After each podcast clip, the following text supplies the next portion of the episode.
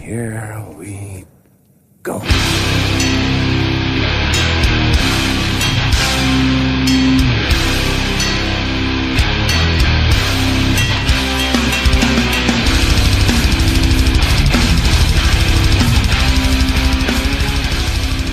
Sådär då, avsnitt 86 av Nere på Noll Podcast. Jag, Robin Lindblad, sitter här med Danne Nätterdal, God kväll. David Olsson. Tja, tja. Jag har fan aldrig pratat snabbare. Eh, Vi eh, ska idag i alla fall prata om någonting som inte är så jävla snabbt eller kul eller bra, eh, nämligen nazi hardcore straight edge typ. Men jävligt intressant och spännande. Verkligen. Vi, Slash skrämmande. precis, som fan. Inte minst när man kollar på antalet YouTube-träffar på vissa band, alltså det är helt sjukt. Men det här blir då vår andra intervju från vår lilla roadtrip sponsrad av Lost and found Monster och, och så vidare. Eh, vi fick med oss eh, Tor från den eminenta podcasten Bilda kedjor eh, som har bra koll på det här med fascistisk movement i Europa. Så det blir nice. Eh, kommer som huvuddel i det här avsnittet. Men eh, först då, lite feedback från förra avsnittet. Som var med Waste. Ja, just det. Eh, Som verkar ha haft en jävla fet Europaturné nu. Såg lite bilder från både Iper och eh, Fluff. Svensk hardcore back on the map. Verkligen. Eh, Men först då, lite angående vårt Wisdom in Chains spekulerande. Max Strömberg skriver Ej, angående Wisdom in Chains albumtiteln så verkar de syfta på hur det är att deala med depression och mental ohälsa mitt ibland en manlig machokultur. Heavy grejer, grejer och bra texter, de jag läst från skivan. Så att, ja, vi var lite fel ute när vi spekulerade, men... Det var en spekulation utan att ha hört skivan. ja, exakt. Men det var kanske inte fullt så pajigt som det man kunde tro. Nej, men Wisdom in Chains är ju kända för att ha bra texter. Det har de haft se- sen, sen dag ett. Eh, väl sk- skrivna. Det är många som... Välskrivna kanske, men, Ja. men det kanske inte... Det är mycket så här fighting in the streets och Ja, my brothers och det är sant. sådana grejer. Eh, ja, jag har i alla fall lyssnat på skivan. Tycker den Jag är bra. Alltså, de, de, Visst är det lite annorlunda mot förut? de håller i sitt koncept, men det känns som att de börjar så, ta in spretigare och spretigare låtar. Eh, och den låten, vad fan hette den då? Halfway there. Med eh, kvinnlig gästsång. Väldigt annorlunda och inte heller speciellt bra. Eh, däremot andra spåret var ju sångaren från Noise. De som stavar Noise med utropstecken i mitten. Med och fit där. Han sjunger jävligt bra. Så Ja, jävligt fet låt. coolt. Eh, sen så spekulerade vi ju lite kring eh, straight edge band i förra avsnittet tror jag. Eh, för Martin Edelius skrev i alla fall, jag har för mig att jag läst en intervju med Tim McMahon. Mahan, Mahan. Vad säger man? Tim McMahon? Mahon. Mahon. Mahon. Ehm, där han var stolt över att alla medlemmar i Mouthpiece fortfarande är straight edge. Alla medlemmar i Convicted Truth, som var straight edge, Tor, Tord och jag, är fortfarande Convicted Truth från Katrineholm. Det var så ett band som fortfarande är edge. Exakt. Eh, sen då, eh, låten Knulla lik som jag nämnde i förbifarten här. Kom ut 94 och gjordes av grabbarna i bandet Slaskfitterna från Kristinehamn, skriver Niklas Ackerklint. Eh, inte att förväxla då med Körsbärsfetterna som består av ett gäng tjejer som drog igång 2007 och är från Skövdetrakten. Ja, det är ju viktigt. Det är viktigt! Fan. Ja men det var typ den feedbacken jag hade fått vad jag såg. Eh, Ja, det har dimpit in lite nyare feedback också på, på avsnittet som ännu inte är ute. Eh, Andy Hate skriver eh, att han ser fram emot att det ska komma nazi-hardcore till Sverige. Så man kan få veva lite med järnrör igen. Har en- en känsla av att det kanske inte var 100% seriöst menat. Men då, då hoppar vi in på Hänt i veckan då. Eh, börjar med ett stort nytt släpp som annonserats från Terror. Eh, för det första så släppte de eh, en kommande singel från eh, kommande plattan eh, som heter Mental Demolition. Singeln alltså, finns ute på Spotify. Är ju klassisk eh, terrorlåt alltså. Jag tyckte det var bra. Bra. Jag har ju typ inte gillat terror på senaste tio åren eller någonting. Nej, Men det här tyckte jag var gött. Håller med. Eh, och det som eh, det i slutändan kommer hamna på då, det är skivan Total Retaliation som släpps 28 september via Pure Noise. Undrar om man ska vara så generös så att man verkligen tar och gör ett seriöst försök med att lyssna på den här skivan. De tre senaste registerna har man ju knappt hört. Nej. Nej, faktiskt. Vad heter den ens, den senaste? 25th hour va? Ja, just just det. det. Ja, jag tycker ja, de- är ju alltid bra. Men det blir ju så med band som gör för mycket grejer att man tappar ju fokus. Verkligen. Snyggt omslag dock. Ja, jag gillar också den. Eh, sen eh, lite den, den vecko, eller varannan vecka uppdateringen av vad Danzig håller på med. Danzig to release feature film såg jag här. Eh, han har sagt att hans eh, kommande West Coast-turné kommer vara den sista för en överskådlig framtid. Eh, och han följde upp det med vad han ska göra under tiden. Han kommer släppa en feature film eh, som Eh, han kommer skriva, regissera och komponera musiken för och det kommer vara baserat på karaktärer från hans comic book Verotik. Eh, filmen är planerad att eh, vara en antologi, alltså så här olika storylines inom det här universumet då. Så att, eh, Sen, men- är det tecknat eller? eh, det måste ju vara animerat då, eller någonting. Men... Blir, Vågar man gissa att det inte kommer bli en Oscars-nominering för det här? Ja, exakt, för det som talar för att det är tecknat, det är ju att annars hade ju han spelat huvudrollen också. ja men exakt, Spelat alla roller. så är det ju. Så är det ju. Ja. Okej, andra stjärnskott då, som vi pratar om i varenda avsnitt. Eh, Harley Flanagan. Nej, fan ska du ta den? Jag hade den under kategorin en ding ding värld här i mitt dokument. Men ja, jag vet ska vad du sa. eh, ja, startat Hardcore-podd. Eh, har inte lyssnat. Tveksam på om jag kommer göra det. Men det, det som är alltså, ja det, är- det är ju bara humor. Då ska alltså Harley Flanagans fru alternativt flickvän skriva en bok. Feeding Harley Flanagan. En kokbok. Hardcore vegetarian. Feeding Harley Flanagan. Seriöst alltså? Ja, det, ja vad, vad fan ska man säga alltså? Man är ändå lite sugen på ägaren. ja, faktiskt. Nej. Jo, lite. Men alltså, tillbaks då till hans den här YouTube talkshowen. Jag tyckte det var kul, för definitionen av vad det skulle vara, det skulle vara, han skulle prata om the history of punk music and the possibility of a Chromax reunion. Ska han prata om det i varenda avsnitt då, eller? ja. Ja, så är även att en annan person som inte borde ha en podcast att starta podcast.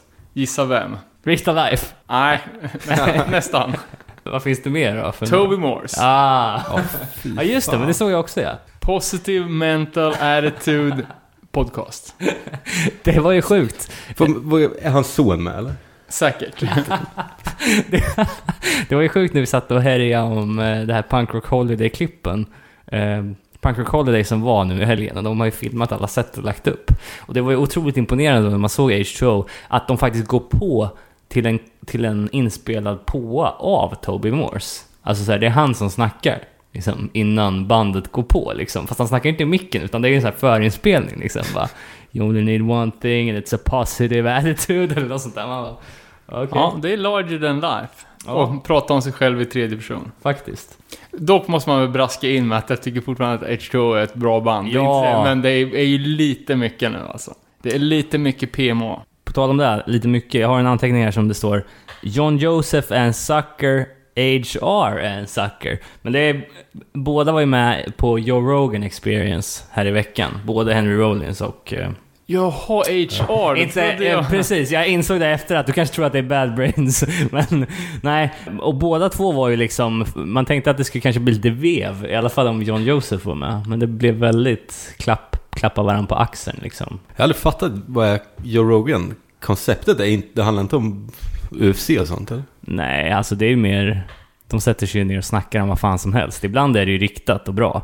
Ibland är det bara helt jävla snedvridet. Alltså han är ju en superhög... Jag försökte lyssna på John Josephs, det gick ju typ. men Den var ju så jävla lång också. Ja. Och ganska ointressant. Ja, precis. Men några roliga historier om... Eh, eh, från eh, John Joseph ändå. Typ när han är ute och åker på eh, sina marinäventyr och, och träffar liksom Rastafaris och grejer. Ja, okej, för hans early days. Ja. Henry Rollins var ju med för att han eh, precis är på väg att släppa en spoken word special eh, på Showtime. Eh, som heter Keep Talking Pal. De är ganska bra faktiskt. Ja, Han kommer ju fan till Stockholm snart och gör någon spoken word-grej. han gör det? Okej. Coolers. Sen så såg jag att två av era favoritband hade sett, släppt en split. Rancid och Murphys Law. Den kanske vi har snackat om tidigare. Nej, men den har man ju sett. Ja. Ute via Pitchfork. Eh, och... Eh, ja, det är väl eh, bara två låtar va, tror jag. Och Pitchfork då klädesmärket, Ja, inte precis. webbplatsen eller vad fan Men det eh, fan, man gillar ju... eh, Jag tyckte den såg jävligt cool ut alltså. Om ni ser här. ser. Eh, klassisk Rancid-skalle med baseballträn och sen klassiskt Murphys Law eh, jidder med Ja. små grejsmås. Men eh, inget ni har beställt? Det går inte att köpa nya skivor. Nej, okej. Det är ju stopp på det vet du. Jag förstår. Eh, ja, en, en tredje gubbe då som vi nämner i varenda avsnitt nu helt plötsligt. Uh, Verkan Commandos-medlemmen Moby. Nu ska han donera 100% av kommande intäkter på nästa album till Animal Rights. Coolt. Ja, nej vad jag skulle s- säga, vi beställde um, Shipwrecked 12 här idag. Kikade runt lite. Och då såg jag att den låg som bäst säljande platta på Cortex. Aha. Eh, världens största hardcore-skivbutik. Eh, ganska fett. Så är väl den här, ja men vad fan kallar man det för? Pagan hardcore-grejen som bara finns i Boston och Norge och pyttelite i Sverige. och därifrån så, så um, började jag fundera på bandet Commitment Crew. Och jag känner här att jag kanske har gjort bort mig lite. Jaha. Kan jag ha missat någonting som är, har varit jävligt fett? Ja, ja, ja. Ja, det är ganska gött ja. Alltså, Eh, för jag, ja, alltså... eh, Commitment Crew var ett band från Göteborgstrakten. mm. Eh, från Hisingen hette ju skivan. Eh, som körde, ja men de, alltså de, det var ju ett rent plagiat på 86 Mentality. Mm. Som i sin tur var ett rent plagiat på Insurance Risk, fem år tidigare. Som i sin tur var ett eh, rent plagiat på Boston Hardcore. Men av någon anledning så fastnade jag aldrig för det. Och de hade ju på, på den här, både på demon och på den där Hisingen 7 så har de någon låt som är så jävla, alltså sopig text. Eller så här, det är den där Busting Smugglers. de- de sjunger om att de ska hem till någon som säljer smuggelbärs och spöa ner dem. Ja, okej. Ja, det känns så jävla cringeigt. så jag har aldrig liksom tagit dem riktigt på allvar. Även fast jag tyckte liksom, ja, fan bra musik. Ja. Men nu, nu alltså senaste dagarna har jag bara lyssnat och det var fan svinbra ju. ja, det är ju coolt men... Har de inte lite liknande estetik som Shipwreck också? Jag vet inte, för först... Ja, alla skivorna, alla deras släpp ser ju helt olika ut ju. Men de senaste Commitment Crew-grejerna ser nästan lite freak-punk ut ju. Innan någon körde med den grejen. Okej. Nej men då, det är väl någon jävla uh, Ku Klux Klan-nisse och sen en... eh, någon klanhäst i så här full cartoon. Okej. Som ser lite freaky ut. Ja. Och sen har de ju någon sjua där det bara är så här typ orangea streck på det. ja, just det. Som ser jävligt avantgarde ut. Men de spelade ju som fan där eh, 2008, 2009, 2010 där i Göteborg. Det var ju fan nästan varje gång man åkte ner och gick på gigs på Nordengården så spelade Commitment Crew liksom. Ja. Men va, eh, var de svinstörda? För gigs där jag sett på YouTube var ju, såg jävligt coolt ut. Ja, alltså jag minns bara att det var en jävla pepp. Plus att de körde ju en cover, eller om de hade gjort den låten själva, jag vet inte. Men det, fin- det finns ju en låt som heter Göteborg, som de körde. Som var liksom... Ja, är inte det Troublemaker? Ja, det kanske det är. Jag vet inte, men... Eller så är det någon, något annat band som har gjort ursprungslåten. Men ja, det var ju liksom... Det var härjet som fan. Och attityd liksom. Ja, fan det kanske, kanske man har gjort bort sig då. Ja. För det, vad, vad tror du chansen till en reunion? Ja, den är väl ganska låg kanske. Ja. Jag vet inte. Mm. Jag, så, ja, men, eh, jag såg att eh, Target hade försökt att göra någon exhibition av CBGBs. Eh, så här, återskapa CBGBs som det var ty- då. Jag såg och så fått så in i Ja. helvete med kritik typ. och Men fått, hade de inte gjort någon sån här butiksskyltning som Jo, var, exakt. var typ likt? Exakt. Men de hade Ja, failat totalt typ. Ja. Det hade blivit plast liksom av det. Så de hade... Vi, de, de brukar ha såna här one day celebrations av ett område liksom. Men de hade fått sincerely apologize till alla som var där för att de hade fått så mycket kritik. Civilibis är väl livet nu också? Ja, jag vet Ja, inte. det är så gammalt. Men- mitt livs största misslyckande. Jag, jag var ju där när det var öppet. Var på en spelning, skulle ta ett kort utanför. Bara, åh, jag hade en chans att ta det där jävla kortet. Har jag på mig en ljusblå t-shirt, ett vitt nitbälte, shorts, tubsocker uppdraget. Jag, jag ser för jävlig Du kan inte, du kan inte sky- skylta med det. Jag kan det borde vara okej att photoshoppa in dig själv framför det. Eftersom du har Eftersom jag varit har där. varit där. Eller photoshoppa mina kläder med Ja. normala. Ja, och sen veckans eh, roligaste nyhet då. Det var två... Eh, jag vet inte vad man... Kallas man för pensionär om man bor på ålderdomshem? Ja. Eh, två väldigt gamla... Två väldigt gamla tyska gubbar som rymde från ett ålderdomshem för att försöka gå in på Wacken Open Air och se, se Sepultura. Det tyckte jag var fantastiskt. Eh, Det blev ju... eh, Det var Deutsche Welle som det, eh, det kom ut på. Eh, Att de två boende där tyckte att line-upen var så upphetsande så de typ rymde från hemmet och tog eh, public transportation till, till festivalen. Men sen när de väl kom fram så var de väldigt disorienterade, stod det. Han bara gick, gick runt, runt, runt i circle piten. Precis. Tittade aldrig ut. Ja, apropå pensionärer och så, när det att Mike Ness hade spöat häcklare i publiken. Eller- Finns det rörligt på det här eller? Ja, fast det Man var... såg typ ja, man- ingenting. Nej. Men vad var, vad var häcklingen då som fick bägaren att rinna Ja, över? det behövs nog inte så mycket. Men det var ju en annan gång också när han typ hade dissat Trump typ och någon någon typ bara, No one talks shit about my president. Han typ hade fotat till han. Och sen hade publiken typ fortsatt spöande. Jag höll på att säga stackar, men Ja, för, den jävla man, Trump-nissen. för man tänkte ju liksom att det var ganska modigt av 62-åriga Mike Ness att hoppa ner i pub- eller fan är han? Ja, nästan 60. Hoppa ner i publiken och bara veva, men då vet man ju också att det är ju typ mellan 1000 och 1500 fanboys som skulle... Ja, exakt. Som Backa skulle ta en kula på Mike Ness vilken dag som helst. Så att, kanske inte var så jävla modigt ändå. Men lite kul. Så såg jag en annan grej då som fick många sk- skivsamlare att dö lite inombords. eh, jag har sagt nämnt det, att det är en jävla Agnostic Front United Blood. De släppte ju en eh, inför deras 35-års jubileumsshow på Generation Records. Så gjorde de ju en eh, limiterad variant på den gamla klassiska sjuan, typ i 80x. Mhm. Som dagen efter började sälja för så sjuka summor. Ja, just det. Det pratar vi om ja. Jag tror de var uppe så här 3-4 tusen liksom dagen, dagen efter. Eh, och inför eh, Black and Blue Bowl så släpptes det ju ett trepack. Eh, det tror jag också har sagt. Eh, 95 ex av varje eh, med, tre olika stämplar. Så samma sjua med, med, med det var Boots-stämpeln, Skinhead-stämpel och Skinhead med flagga-stämpel. och de där börjar ju också sälja för eh, typ mellan 1000 och 3000 spänn styck. Åh, fy fan. Så eh, det, det var väl några liksom samlare som hade alla de andra varianterna och fick liksom bita i det sura äpplet och köpa som man har det kompletta. Ja, ja. Och det var, jag tror det var ganska blandade känslor när Roger la upp på Instagram att de har gjort en ny, en ny variant. Samma stämplar, samma sjua, fast i rött nu inför spelningen som de ska göra i Berlin. Ja, shit. Och det var också bara 90x eller? Ja, 90x av varje stämpel då.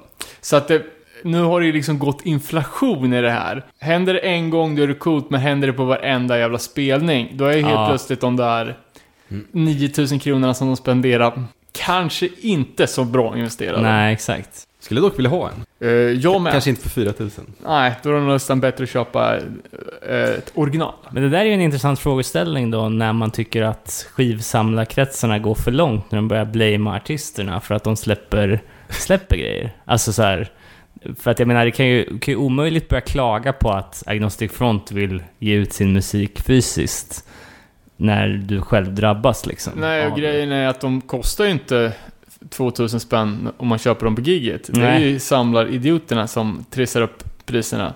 Så att det är liksom AF släpper sin sjua och säljer den för 50 spänn i matchen. Det, kan ju, det är ju inte deras fel. Nej. Sen är ju folk som de är. Sen så spårar det ju. Ja, veckans Integrity då. Jag såg att de släppte en ny musikvideo för covern Document One som Gizm har gjort. Eh, från splitten med krig. Alright, that's it. Däremot såg jag att eh, sidoprojektet Psy Warfare hade spelat live. Jaha. Hur fan gick det till då? Ja, jag vet inte. Jag såg nog foto på det. Det kanske blir en turné. Ja, då kan ju, eh, vad heter de? Vad fan heter de nu då? De här eh, som spelar med dockor på scen från Sverige. De kan ju supporta dem då, om de kommer till Sverige. Du vet ju vilka jag menar. Ja, Isotope Soap. Ja, exakt. Ja, det finns ju mycket i den där knas, knaseribranschen, men Cywarfare är ju i princip olyssningsbart. Ja, exakt. Men ändå coolt. Inte i princip, det är fan olyssningsbart. Nej, så såg jag också bara att uh, Hard Stance, som vi har nämnt, eh, Orange County-band med en ung Zac De La Rocha på basen, tror jag minsann. Mm. Eh, de har annonserat, eller Revelation har annonserat att de ska släppa en LP med det inspelade materialet. Foundation ska den heta. Så det blir något att eh, se fram emot.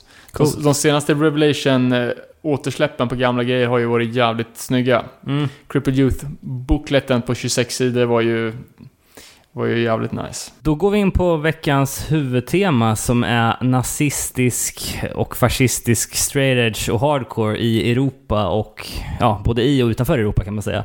Eh, Det var eh, Tor från podcasten Bilda kedjor som var snäll nog att ta sig tid att snacka med det här med oss när vi var nere på våran turné för några veckor sedan. Och vi kommer inleda med vad då? Eh, ja, det är alltså det italienska och nyfascistiska skatepunkbandet Bronson. Som låter som vilket Fat Records band som helst, men som inte gör några som helst hemligheter av att de är 100% nazigäng. Skrämmande. Alltså fan. Eh, jävligt stort band också. Ja, obehagligt stort. 1,7 miljoner visningar på YouTube på en enda musikvideo. Då dör man ju.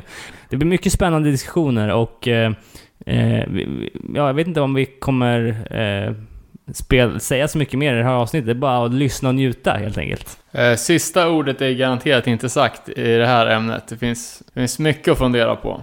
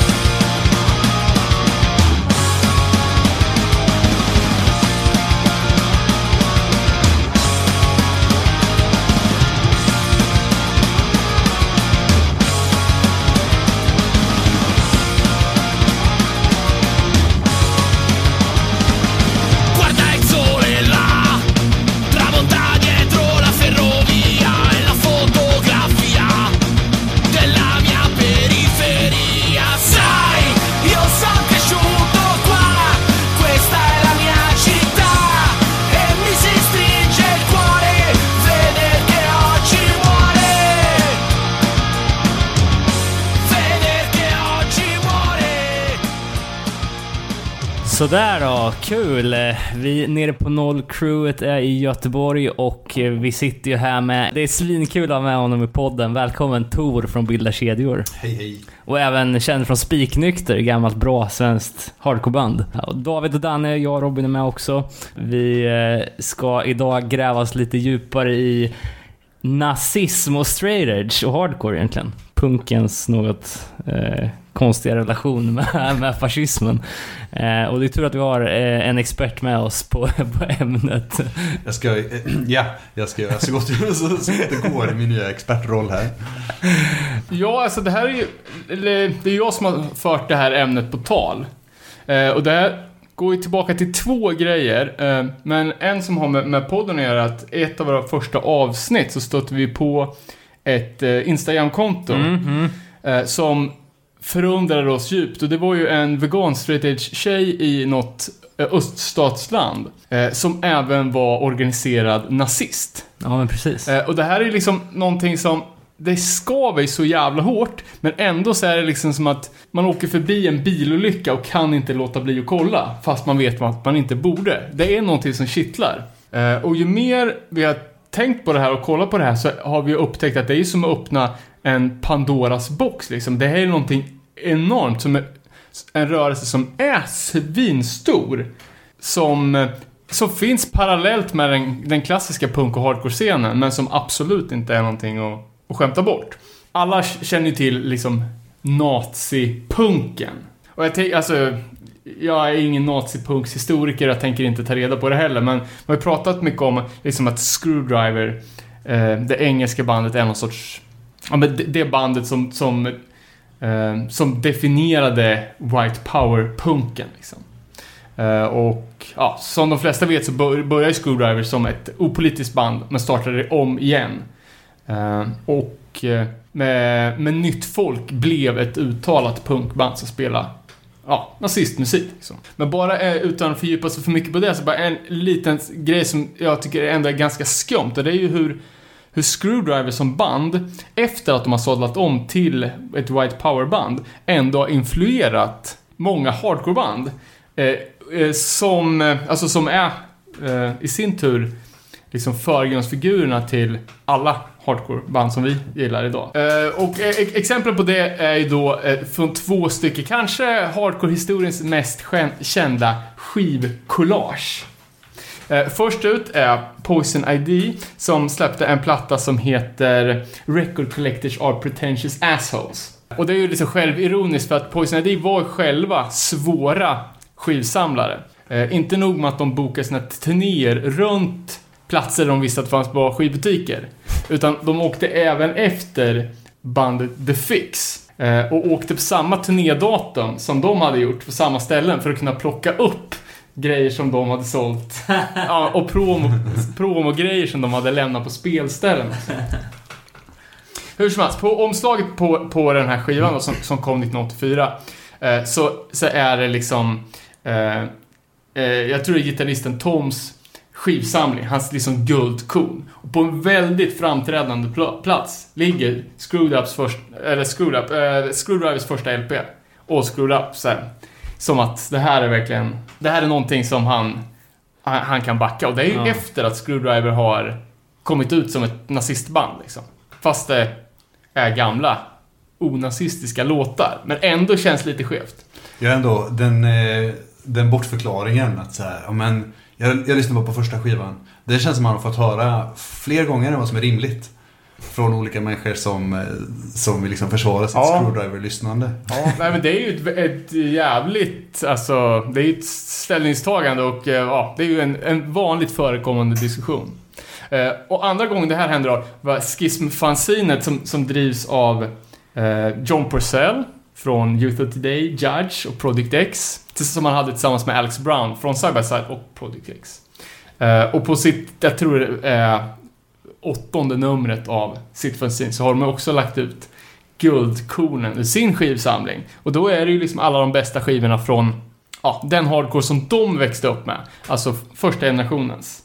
Eh, och där ser vi ju inte mindre än två Screwdriver 7 Oj. Och det här var ju 1998, så att det, då var det ju liksom... Ja, att Screwdriver hade... Ja, de var ju uppenbarligen liksom superkända som ett, ett naziband. Eh, Så bara lite, lite in- intressant. Men det är ja, en jä- jävligt eh, uttjatad diskussion och eh, prata om huruvida eh, man får lyssna på Screwdrivers gamla ma- material eller inte. Eh, men det var ju ganska, ganska kul när, Eh, när det skrevs en, det är ju en, en, en, en krönika om latinos i New Hardcore-scenen. Eh, och killarna från Marauder snackar om att, att när de hade ett skinhead-gäng så bara, men vi var, vi var latino-skins som lyssnade på Screwdriver och spöade vita skins för att de lyssnade på Screwdriver. eh, hur som helst, eh, vi ska inte snacka om nazipunken, utan vi ska snacka om alltså riktig, fan, wigger-stil, baggy jeans, graffiti-målande, eh, hardcore. Många band som dessutom är straight edge, som är straight edge av politiska syften och som även är veganer och djurrättsaktivister. Helt, helt rubbat. Ja, och verkar i någon slags skuggscen som ändå tycks dra folk liksom. Verkligen. Med, med liksom inte alltid supertydliga eh, liksom loggor och eh, bildspråk som gör att man lätt kan koppla det till, till en fascistisk agenda liksom. Eh, ja. Ja, men många av de här banden är ju alltså... Det, det är... Alltså, tack vare att de, liksom, de publika kanalerna är... eh, Du, du, du får inte ha nazistpropaganda på YouTube för då kommer det försvinna därifrån. Eh, Så får de ju liksom göm, gömma sig i ett litet diskret bildspråk. Men det är väldigt lätt att skrapa på den fasaden och se att de här banden är ju 100% nazister. Jag tänker att man kan jämföra lite med liksom eh, den kristna hardcore-scenen. alltså så här, som i första hand är kristen och sen också spelar hardcore. Ja. Att de finns ju inte, i alla fall inte i Sverige, finns ju inte de heller liksom i hardcore-scenen. Utan det finns liksom en parallellscen som är där folk lyssnar på de banden för att de är kristna. Ja. Och jag tänker att det är samma sak att så här Visst, de här nazistbanden, de letar sig säkert in. Alltså i Sverige känns det som lite otroligt. Men att det finns liksom en parallell hardcore-scen där de här nazistbanden florerar för att de är nazister och inte så mycket för att de spelar hardcore. Absolut. Nej, och det är ju det är sk- skrämmande i sig. Eh, och vissa av de här banden är ju alltså det är lätt att sitta och garva åt det här liksom. för att vi kollar på ett band som heter Werewolf som är då ett nazistiskt vegan straight edge band som på fullaste allvar gör logos med morötter utlagda som en svastika. Det är ju alltså, det är svårt att hålla sig för skratt. Men så sent som för tre veckor sedan så skedde det alltså ett mord i, i, i Ukraina där ett eh, uttalat nazistiskt straight edge-gäng, Sober and Angry Youth, mördade en snubbe ur ett romskt tältläger och brände ner lägret. Så att de, de här personerna, de är ju, de är ju livsfarliga.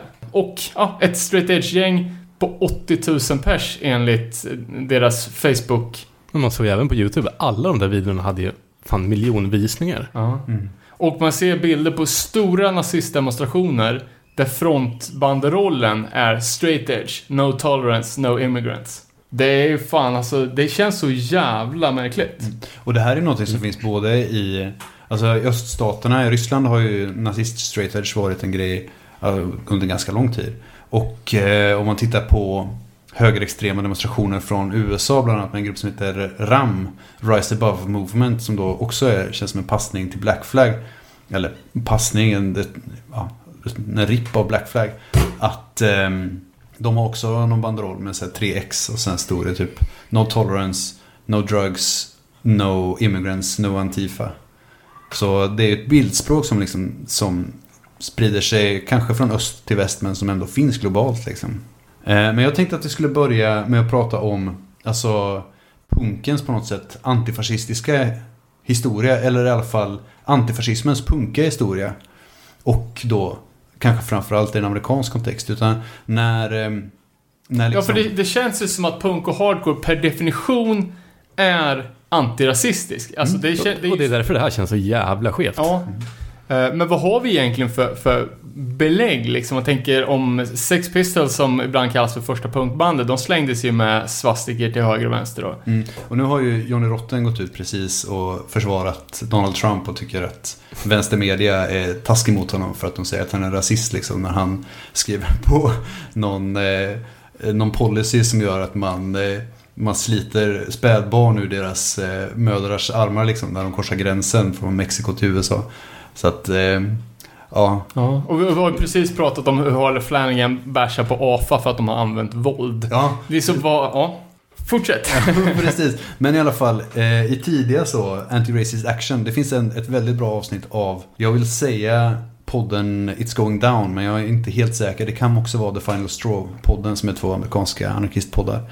Och eh, då hade de ett avsnitt som heter How the Midwest Was Won, som handlar om Eh, Anti-Racist Action och eh, deras så, aktioner på 90-talet. Och så här, men, antiklan-aktioner eh, och sånt. Och eh, då är det väldigt tydligt att så här, de som började, det var punkare liksom. För att det kom nazister till deras spelningar och började slåss. Och inte, de kom ju inte dit för att liksom lyssna på musiken eller så liksom. Utan de kom ju dit för att nita punks och weirdos liksom. Och det är någonting som är återkommande. Alltså sen när jag, när jag växte upp, då kom ju nazister till spel. Eller om nazister kom till spelningar. Då var det inte för att lyssna på något band liksom. Utan de kom ju dit för att slåss eller nita folk liksom. Och det är kanske ett annat avsnitt. Men det är liksom mängden rövarhistorier, så här, punkare mot nazister. Det kan man ju fylla alltså, hyllmeter med liksom. Det är ändå någonting som jag skulle vilja uppmuntra folk att göra. För jag tror att det skulle vara helt kul läsning. Men, men så, var det, så var det när jag växte upp och så var det liksom i, i USA på 80-90-talet också. Och det här växte liksom att folk försvarade sig på spelningar och utifrån spelningar. Eh, växte ju då till att de bara, okej men vi kan inte bara, alltså så här. Visst vi kan, vi kan slåss när de kommer till spelningarna men det är mycket bättre om, om vi kan försöka förhindra deras, deras framväxt liksom. Och de, alltså så här, det var ju jävla fuck-ups från, från USA. De var ju inte, alltså så här, de brydde sig inte, frågan så här, är det okej är det okej att slå en nazist? den fanns ju inte. Utan det är så här, vadå, det är klart det är okej. Eller är det så här, att de kom från en så här våldsam liksom, miljö, så för dem var det aldrig ens en filosofisk diskussion överhuvudtaget. Och det var också, och är väl fortfarande, en superduper våldsam konflikt. Eh, det var, jag tror att det var början på 90-talet, eller möjligen början på 2000-talet när två så Antifa-punkare blev mördade. Dan Spitt som blev mördade på amerikanska nationaldagen. Bara utsläpade i öknen och ihjälslagna. Liksom.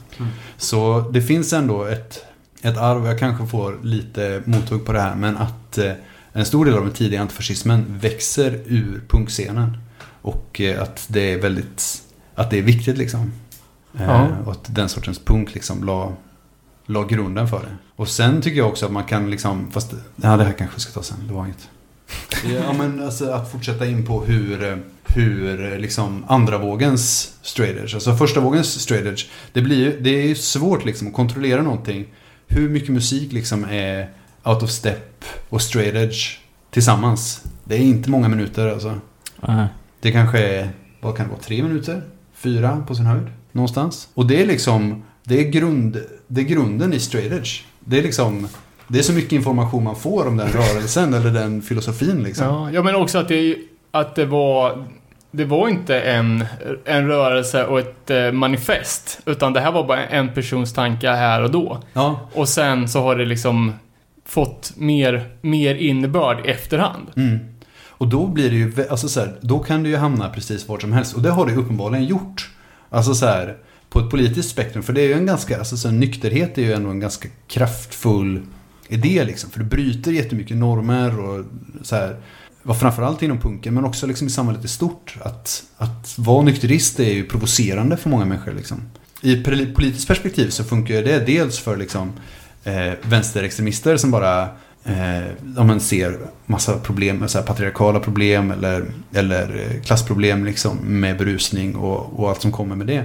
Men ur ett högerextremt perspektiv så kan man också ta det med det här övermänniskoidealet. Och att när man sen fyllde på med band som la mer mening i det här, framförallt andra vågens straight edge band liksom, med Earth Crisis och så. Då började, jag upplever väldigt mycket att Earth Crisis på något sätt lägger grunden för liksom ett, över, ett övermänniskoideal. Och det här är ju band som jag lyssnade jättemycket på när jag var om 20-22 liksom.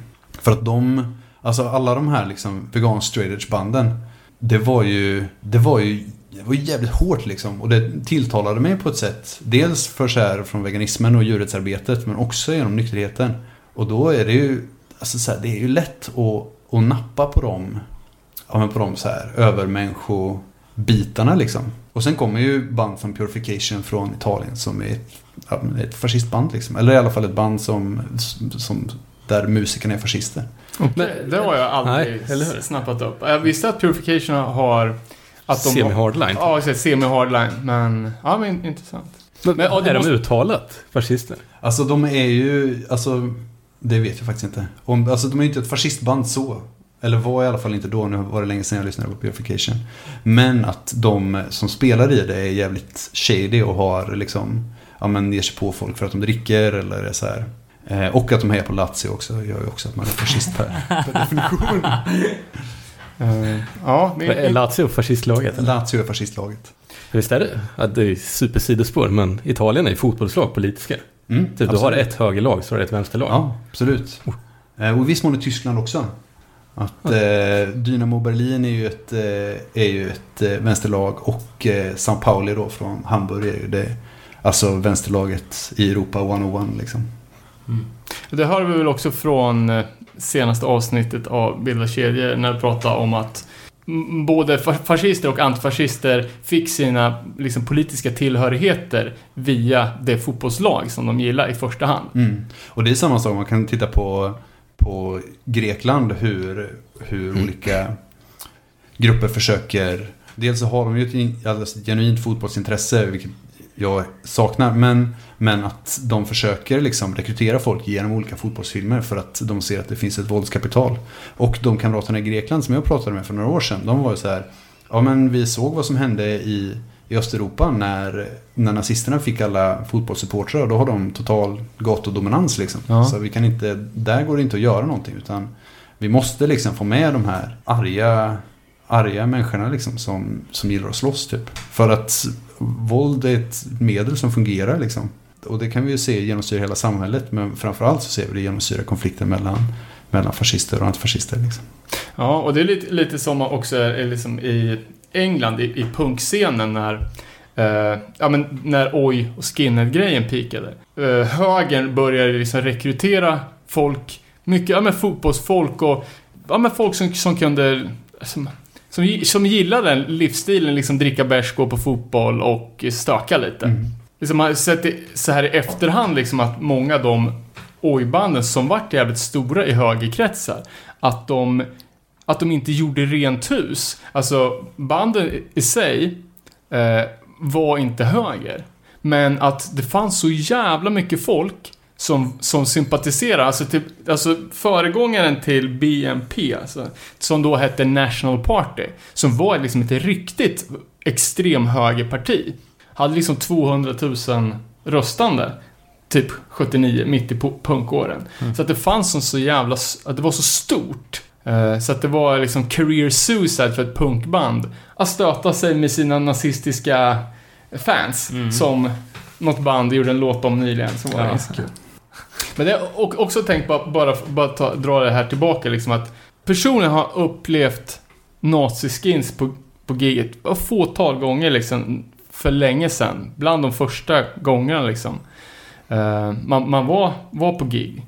Men lite som du sa, skrönor och sånt har man ju hört. Ja, jo, En miljard. alltså, man har ju själv dragit den gången, eller som, eh, Syndikalisterna i Örebro anordnar ju en hardcore-festival som var årligen. Och liksom, alla liksom, eh, på, på något sätt liksom hoppades väl att det skulle komma ett nazigäng liksom, för nu var vi 200 pers och vi var liksom, ja, fan. Vi var taggade och arga liksom. Och folk liksom bara plockade så här symbolstativ och stod verkligen redo. Och kuta ut och, och mötte nassarna i dörren liksom. Det var en fantastisk känsla. Åh fan. Men det är få, få gånger som liksom, ja, Murphys låsspelning i, i Norberg när det dök upp folk med en screwdriver-tröja och tappade en kniv i pitten och, Oj. och, och sådär. Men då har det ju som, som vi sa liksom varit nazister som har kommit till spelningen för att, för att hitta, hitta bråk. Mm. Eh, Men en av mina första resor till, till spelning utomlands, i Tyskland, på Full Force. Eh, Stor hardcore punk och metalfestival, typ 30 000 pers ute i ett helvete. På flygfält i Östtyskland liksom. Och då var det ju hardcore nazis. Det här var ju kanske 99. Så, alltså hardcore kids. Och så kollar man lite närmare på tröjan bara, vad Old school racist.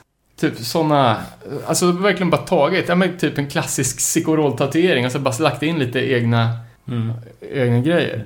Och jag, alltså jag fattar ju, jag, jag, jag kunde liksom inte få ihop det i huvudet att, att de här personerna var hardcore-fans och nazis. Jag tänkte liksom att de hade tryckt upp de här tröjorna för att kunna smälta in och typ infiltrera för att ge sig på någon. Men sen, sen nu liksom på senare år så har jag kanske bara att det trots allt finns där ute en parallell, ett parallelluniversum där de här två sakerna går att förena. Eller typ. Alltså 99% som tur är av de här banden är ju ren dynga. Men ändå är det att det finns folk som får ta våra, våran tradition, våran kultur, våra, våra loggor, spela covers av fan våra riktiga hardcoreband. Parallell, eller tillsammans med sin nazi-crap liksom. Ja, det är fan, det är ju... Det är fascinerande och också lite skrämmande. liksom. Men det är som eh, Ian Mackay fick väl det eh, frågan någon gång. Jag kollade på den här eh, Edge the Movie. Då pratar han om det. Eller jag tror att det är, det är någon gång av alla de gånger som Ian Mackay blir besviken för att folk tolkar det han har gjort. Alltså han måste vara världens mest besvikna människa. Men, men i alla fall, då är det någon polack som skriver till honom att det är, så här, ja, det är bra att du har skrivit den här låten Guilty of being white. Så att, eh, att du står upp för, för de vita människorna. Och han bara, "Ah, ja men jag visste, bara, bara, det, här är bara, det här är en helt vanlig så antirasistisk låt. Bara, du får döma mig utifrån, utifrån vad jag gör, inte vad jag har för hudfärg. Bara, han bara, det är antirasism liksom. Och om jag visste att någon polack skulle skriva till mig att någon polsk nazist liksom skulle vara så här, det här är fan bra skit. Då hade jag aldrig skrivit den här jävla låten. Men, eh, Ja, eller varje gång de frågar honom straight edge också. Så här, hur tänkte du när du skapade den här rörelsen? Bara, åh, jag vill aldrig ha någon rörelse. Eh, nej, men nu är det ju liksom, nu är det ju igång. Och det är, ja, både har, hardcore straight har, liksom blivit någonting som ingen längre kan kontrollera och det kan bli vad som helst. Eh, men någonting när man har liksom, ja, från Närke och svart, svart gnällbälte och alltid pessimistisk. Då blir man ändå lite fundersam liksom. Kan det vara så liksom att hardcore-peppen i andra länder, och det är mycket Östeuropa nu, eh, men vi har även sett ja, liksom Italien och, och andra, andra ställen. Liksom. Kan det vara så att den allmänna hardcore-peppen är så stor så att nazisterna känner att det är liksom lukrativt och spela hardcore? För det här känns det som att det är musik som ingen vill veta av. Och ska, ja, att de, att de får framgång i, är det kommersiellt gångbart att spela hardcore? Mm. Mm. Det är, en- alltså, det är en väldigt bra fråga. Jag tycker det är så sjukt svårt att få en... Alltså framförallt nu, men att det är så svårt att få liksom en överblick över den högerextrema miljön. Och hur, vad är det egentligen som, liksom, som förenar alla de här olika grupperna? Då har vi dels här gamla vanliga så här anviftande SMR-nazister.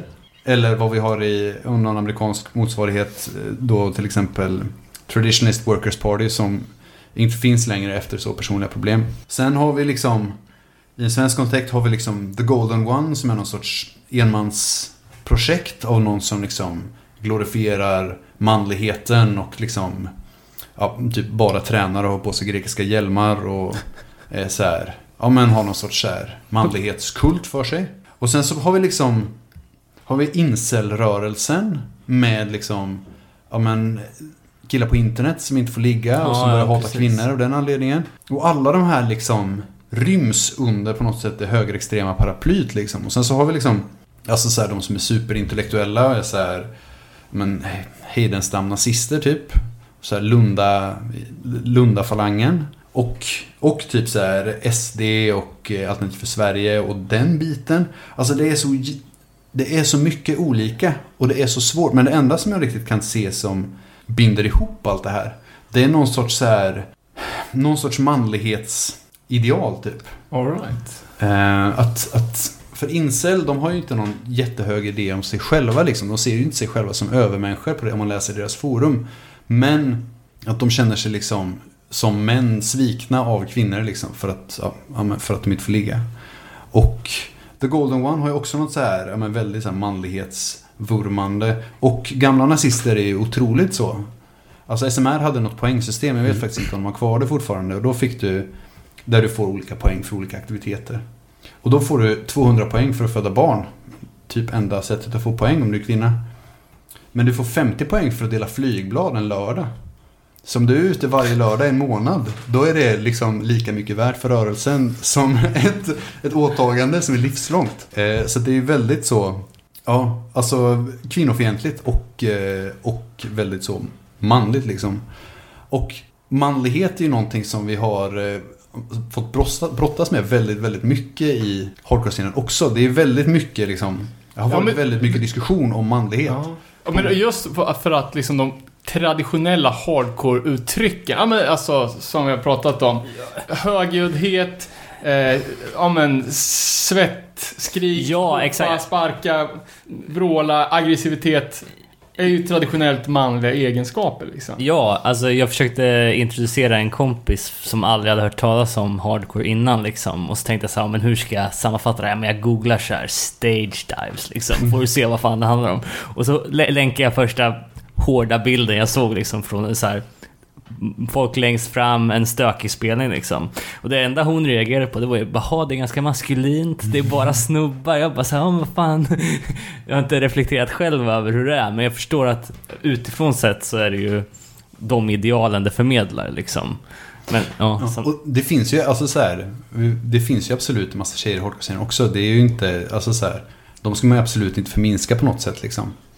Men om vi snackar 2015 och bakåt så är det ju ett, det är ett paradigmskifte av Guds nåde som har hänt nu de senaste åren. Eh, men det är ju liksom... Ja, det är ju någonting som har hänt nyligen. Så att jag tror att hardcorens manlighetshistoria är nog ganska rejält omskriven sen ett par år tillbaka. Men allt som är äldre än det, det är ju... Ja, det är ju en jävla korvfest, så är det ju. Japp. Ja, men det, och det är ju någonting som är lätt att dra på liksom. Att så här, det här är liksom, eller har varit så manliga män som gör saker tillsammans. Och alltså om du, om du spelar hardcore och vill dra mer på det här, på den här mansprylen liksom. Då är det inte så svårt. Utan då, det finns ju en hel, ett hel, en hel uppsjö. Nu tänker jag bara på så, dels på Fall Brawl. Men eh, också på Harmsway. Som hamnade i blåsvädret för, eh, för några år sedan. Eh, där de liksom drog, ja, men så här, drog på den här estetiken liksom. På den här Manowar, Ja. Manowar-prylen. Ja men det var så att de hade, vad sa- vad sades det, socialdarwinistiska texter liksom. Övermänniskan och, ja men du vet, wipe out the weak. Och det kan vi ju se, och- eller så här, framför allt typ. Alltså ett band som jag ändå tycker är, är ruskigt bra, Path of Resistance. Som också dök upp, för det finns något nazistiskt Path of Resistance. Ett extra då. Eh, Men eh, då är det ju väldigt mycket så här, handlar om, om eh, styrka och liksom hängivenhet och hela... Och alltså på ett nästan, ja, nästan dogmatiskt sätt liksom. Ja, jo men det är det ju. Det är ju alltså många, speciellt i, i om man snackar straight edge vegan band så är det ju alltså superdogmatiska. Det är ju, ja, vad var det Ron Gardepy från Brotherhood sa? It's not a set of rules, it's the motherfucking law. Innan han droppade. Men... Nej, bara en sak som jag skulle bara, bara knyta an lite till. Du, du som har liksom som bättre koll på liksom den eh, högermiljön. För mig finns det liksom typ av två läger. Och det är ju liksom ja, klassiska överklassnazister. Och de vet man liksom, ja. Överklassen har ju ingen musik, de lyssnar på Willie Crawford och The Buzz. Men sen liksom arbetarklassen som jag ändå vurmar för och vill liksom att de ska ju lyssna på hardcore för det är ju världens bästa musik. Men det känns som att, att någonstans liksom, eh, hardcore är ju en ytterst medveten musikstil. Kanske den mest eh, liksom, politiskt medvetna eller fu- funderande, liksom, argumenterande musikgenren. Att vi någonstans har blivit lite för pretto för att liksom kunna appellera till den outbildade arbetarklassen. De som i alla fall jag tycker att vi representerar. Liksom. Att vi, ja, är man en jävla kött och potatis Nisse liksom, så bara, ja, här har vi ett band som, vet, det låter som det ska, det, de, de, är, de är arga, de är tjocka, de käkar kött, de skriker. Eh, eller har vi de här kvasi-intellektuella, alltså valet kanske är för lätt att ta då, bara, men de här var visst typ kompletta as, sexister, eh, liksom, eller rent av ett naziband, men de, de gör fortfarande låtar om att dricka bärs, härja, vara ett crew. Sånt som folk ändå gillar. Ja men precis, och jag tror att alltså Framförallt så tror jag väldigt mycket, eller det har jag i alla fall gjort Att hardcore är på något sätt väldigt så inåtblickande liksom Att det blir, det blir en ganska liten värld Eller dels så tacklar man ju liksom stora Alltså stora frågor typ så här. Väldigt stora frågor. ja, men så här, jorden går under, bara, djuren lider i fabriken, vad, vad ska vi göra åt det här liksom? Men sen så tittar man ju också väldigt mycket på vad som finns vad som finns närmast liksom. Alltså bara massa olika disslåtar hit och dit. Som känns lite som hiphop. Man kanske egentligen bara snott rakt av från hiphop-scenen. Eller hela den traditionen liksom. Ja, vi är på västkusten nu. Det är måsar utanför. Det är inte, det är inte så mycket att göra åt. Ehm, Men sen så också, alltså att man tittar in mot scenen. Så här, hur fungerar vår scen? Vad, vilka, vilka dynamiker finns det? Och gör massa låtar om det. Och om man då inte är en del av den här scenen. Då är det helt, helt irrelevant. Då, det känns ju helt, eh, helt verklighetsfrånvänt. När det enda man vill är så här, höra låtar om att man hatar sin chef liksom. Att Ja. det är trist att gå till jobbet på måndag morgon. Men hur, hur ska, du som känner lite folk liksom som är PK-miljön fast inte inne på hardcore. Hur uppfattar de typ Earth Crisis? Alltså, in... Eller det, det känner de ju såklart inte till. Nej, precis. Inte Men- så mycket skulle jag säga. För Nej. att det är en så pass liten... eh, Det är ju inte Avicii liksom som, eh, som gjorde Firestorm. Utan eh, det, alltså man får ändå leta. Eller nu för tiden. Alltså på 90-talet fick man ju inte, behöver man ju inte leta så länge liksom. Men om vi tar till exempel, alltså Gabriel Kuhn till exempel som vi intervjuade för några avsnitt. Eh, Jag har intervjuat två gånger, dels om Anti-Deutsch och dels om Blekinge Gadeligan. Eh, han, han har ju tänkt kring, kring Earth Crisis att så här, ja men Street by Street, Block by Block, det känns som, det känns som Nazityskland från honom. Eller framförallt kanske att ta tillbaks och liksom hålla på och rena och, och så. Det är en ganska klassisk, eller det är liksom en av grundpelarna i, i fascismen. Man har, eh, man har någonting som har varit, som har varit great liksom. Och sen så har, eh, har det liksom korrumperats av någonting. Make America Great Again. Precis, eller typ, ja men så alla de klassiska 20-talsfascisterna hade samma tanke liksom. Det är samma grej som går igen. Och typ hur, bara hur SD beskriver Sverige som en så här, ett, brinnande liksom eh, apokalypsland liksom. Och sen tittar man ut och det är så här, ja, så det brinner ju, men det är ju skogsbränder. Det är skogsbränder, Av, av, av liksom klimatförändringar. Så, så det har ju väldigt liten så här relation till verkligheten. Jag skulle vilja tipsa om en bok som heter Älskade fascism av ehm, eh, Henrik Arnstad. Där han liksom går igenom fascismens historia och, eh, och ideologi på ett väldigt så bra sätt liksom.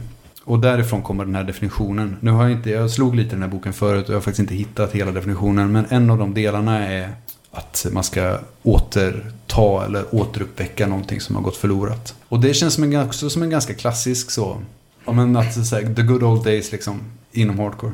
Nu känns det som att jag bara har så här eh, har liksom eh, snackat skit om, om hardcore-scenen som en här breeding ground för, eh, för olika fascistiska tankar liksom. Nej men alltså det är ju många, alltså om man det, Vissa gemensamma beröringspunkter finns ju i värdegrunden, så är det ju. Det, det är ju liksom, vad fan, det är bara att ta valfri 25 to life-låt. Honesty, loyalty, liksom familj, vänskap, ja men lojalitet, speciellt inom liksom straight edge band, liksom commitment, alla de grejerna. True. Ja men ex exakt, och liksom... eh, Och det är vik- viktigt att man kan se de där beröringspunkterna, annars är det lätt att man halkar in på ett italienskt skatepunkband och tycker att det låter asfett samtidigt som de sjunger om eh, anti-antifascist liksom. Ja, det, ja, det är ju nå, någonting, någonting att gå vidare på. Men det finns ju såklart många, många beröringspunkter. Sen finns det ju också absolut så antifascistiska, eller så här, en antifascistisk grundsyn. I alla fall i den hardcore som jag är uppvuxen med liksom. Att så här, eller i den hardcore-scen som jag är uppvuxen i framförallt. Att så här, eh, ja, men misstanke mot auktoritet. Att så här, alltså att man ska ta hand om de som är liksom ut, ja, men utsparkade ur, ur samhället i stort liksom. Att så här, hardcore kanske inte är en, en musikstil för alla liksom. Utan hardcore är en musikstil för de som inte får vara med någon annanstans. Och alla de här liksom. Och sen så bara ren politisk, att folk var liksom, ja men vänsterextremister i den scenen som jag, som jag kommer ifrån. Liksom.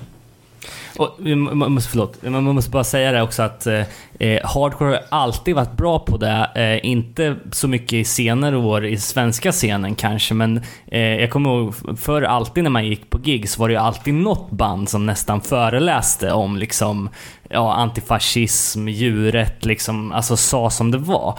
Det har ju polaris- polariserats en hel del de senaste åren. Liksom. Det är inte så många som vill ta den stansen, i alla fall inte på stora festivaler och riskera att alienera sin, sin del av publiken som sympatiserar med en republikansk värdering. Liksom. Men i alla fall när jag började gå på hardcore så var det ju också det som var där man attraherades av. Liksom, att folk faktiskt gick upp och, och, och sa någonting med musiken, texterna och, och, och liveframträdandet framförallt. Och liksom när jag var liten så hade ju autonoma vänstergrupper eller AFA bokbord på spelningarna. Ja men det var ju Ja, liksom eller- nästan obligatoriskt. Eh, och det är klart, alltså, vi pushar ju det här lite liksom, alltså det goes without saying att, alltså det finns ett, ett par saker som ingår i hardcore-värdegrunden. Och det är ju liksom, alltså om man ska sammanfatta det riktigt jävla snabbt, är ju att man inte ska vara ett jävla as. Och då har man ju vävt in väldigt mycket grejer som inte går att förena med en, till exempel en nazistisk ideologi. Det, Eh, men det jag undrar också, för, eller en annan sak som jag tänkte prata om när vi pratar om nazistpunk. Det är ju att alltså i, i Europa så finns det också, och alltså med, med start i Danmark egentligen. Så finns det också alltså nazistpunkare som i nazistkrustare liksom. Med, ja, men med bias dreads och, och patchar bara att det står liksom white power på patcharna istället för ja men, eh, Tragedy eller vilket eh, så. Ja, det, det känns ju på något sätt ännu konstigare. Mm. Ja, hur fan får de ihop det? Och hur fan, får, alltså hur får de vara med nazisterna? Det är så, alltså det är så jävla märkligt. Men är det några som inte är kräsna när det kommer ner till kritan? är det nazister? Det är fan sant. Men alltså, det är ju... De bara, vi ska, det ska vara... Det ska vara raka led och ditten datten. Vad fan hände med det liksom? Jag är, alltså jag är genuint besviken. På naziströrelsen. Och ska man vara platt så, nazister har ju dresscode. Ja. Det har inte krustare. Nej, eller en helt annan dresscode som verkligen Ja, inte går... exakt. Det är liksom inga så ridbyxor och blanka stövlar liksom. Nej. Utan, Men har inte den nazi-dresskoden försvunnit? jo. För- Så här 90-tals bombarjacks Ja. rasister ser man ju aldrig Den har ju längre. blivit approprierad av. tonårskids Ja, exakt. Men jag tänkte på det, för det var ju en massa... Alltså så här, det har ju varit ett stökigt år i USA, man kan säga, minst sagt. Och då i... Det var en massa olika konfrontationer i Berkeley i samband med... Det gick egentligen som en pendel, att typ så här, först så dök det upp massa nazister i Berkeley. Och de hade liksom kontroll över gatan. Sen så, när de kom nästa gång, så dök det upp en massa antifascister, så hade de kontroll över gatan. Och så pendlade så fram och tillbaka. Men då om man tittar på hur de ser ut, alltså hur de nazisterna ser ut. Alltså det är sorgligt. Det ser ut liksom som en Walmart, som att någon har sprängt ett Walmart. Att så här, någon bar över, Amerika-shorts och så, så romersk, nej grekisk antik hjälm på sig. Och bara det här är, och så lite lönnig liksom. Ja. Och sen så hur mycket så här olika pikétröjor och kakeshorts som helst. Man bara, Men, men det är lite så här average Joe. Ja men precis, Vanligt. eller bara någon jävla lajvare från vilken, från Hultsfredsfestivalen liksom. Som bara, jag ska skoja till det på den här festivalen så jag har den här kul hjälmen på mig.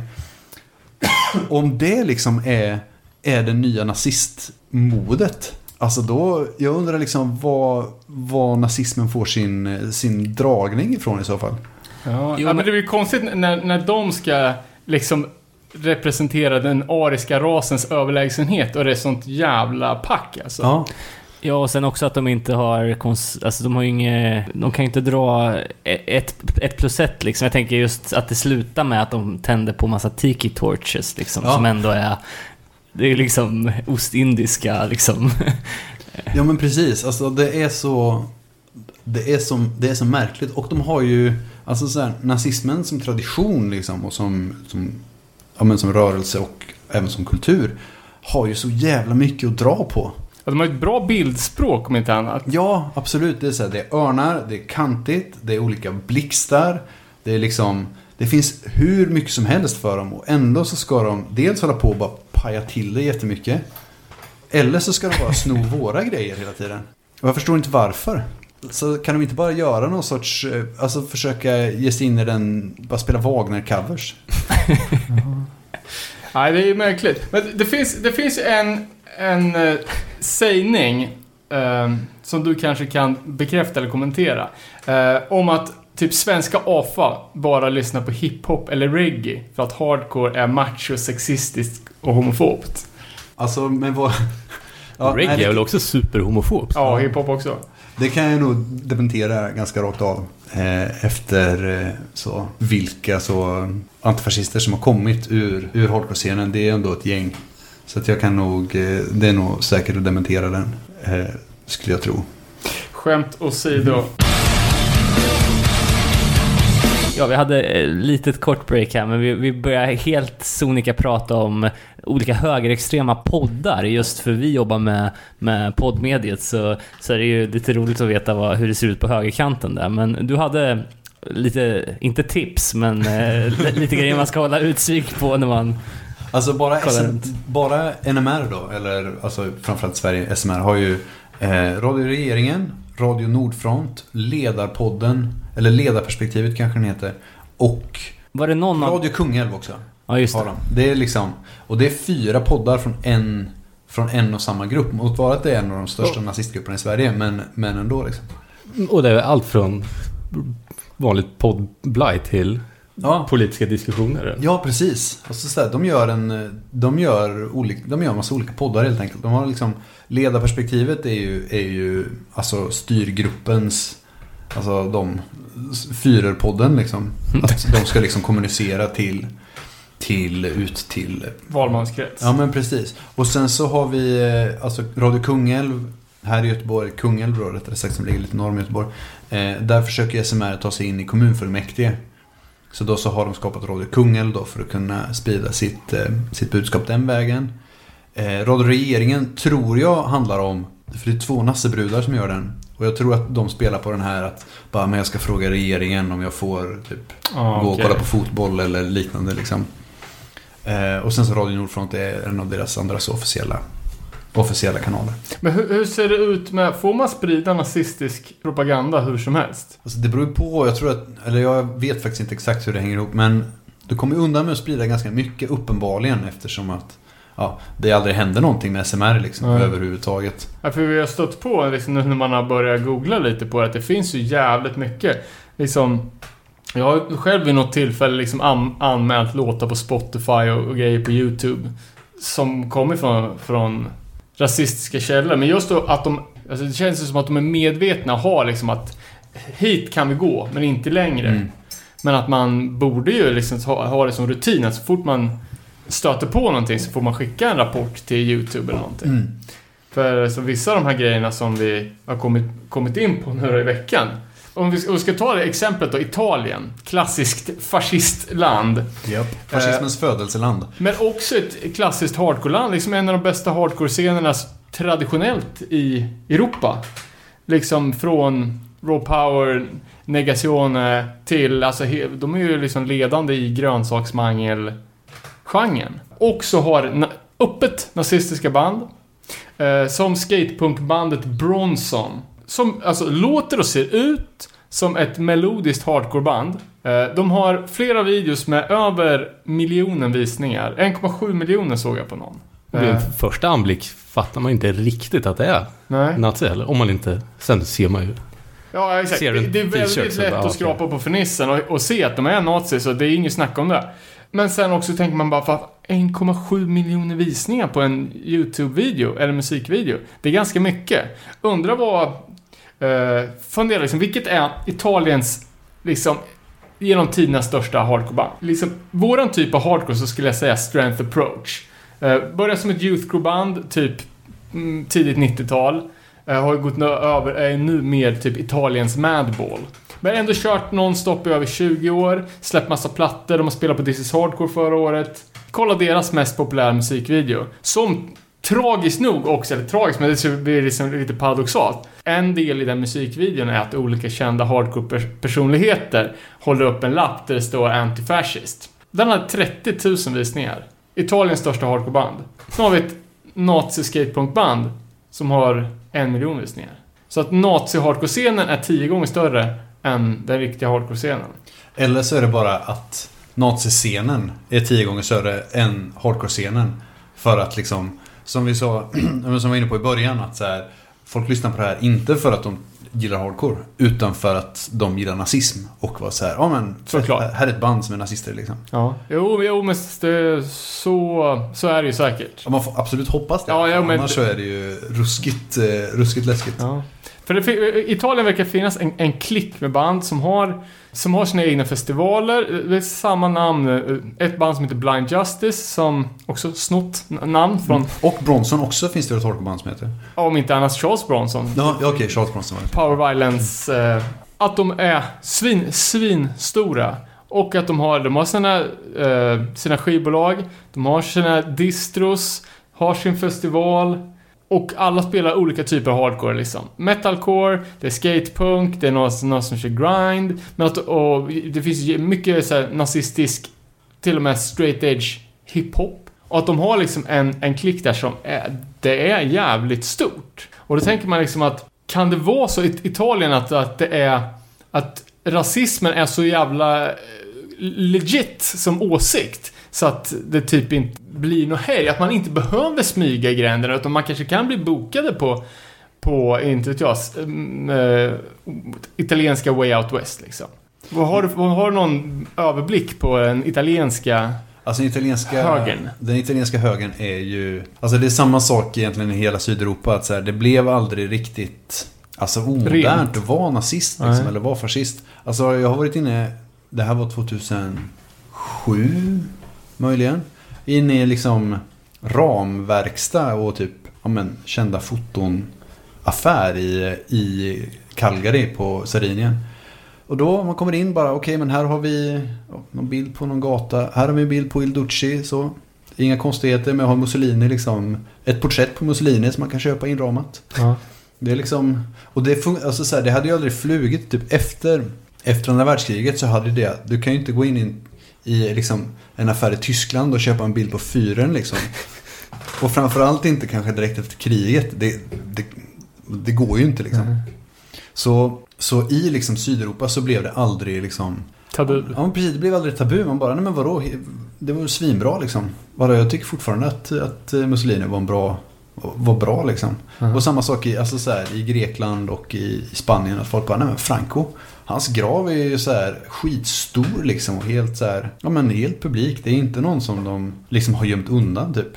Och eh, så därför har den här traditionen har aldrig riktigt försvunnit. Och därför var det inte som på samma sätt som i i Sverige till exempel där det var några få liksom övervintrade nazister som fick föra det arvet vidare från liksom Hitler, jag talar om Vera Oredsson som var med i Hitlerjugend när hon var liten liksom och sen så var nazist, hade Nordiska rikspartiet liksom genom hela 50, 60, 70 och större delen av 80-talet och sen så när liksom den nynazistiska rörelsen kom då fanns hon som en brygga mellan liksom klassiska Old Alltså, school to new Ja school. men precis. Men det har aldrig riktigt funnits något behov av det i Italien liksom. För att ja, men folk var fortfarande fascister. Eller folk, eh, och därför så har det liksom funnits, dels har det funnits ett fascistiskt arv.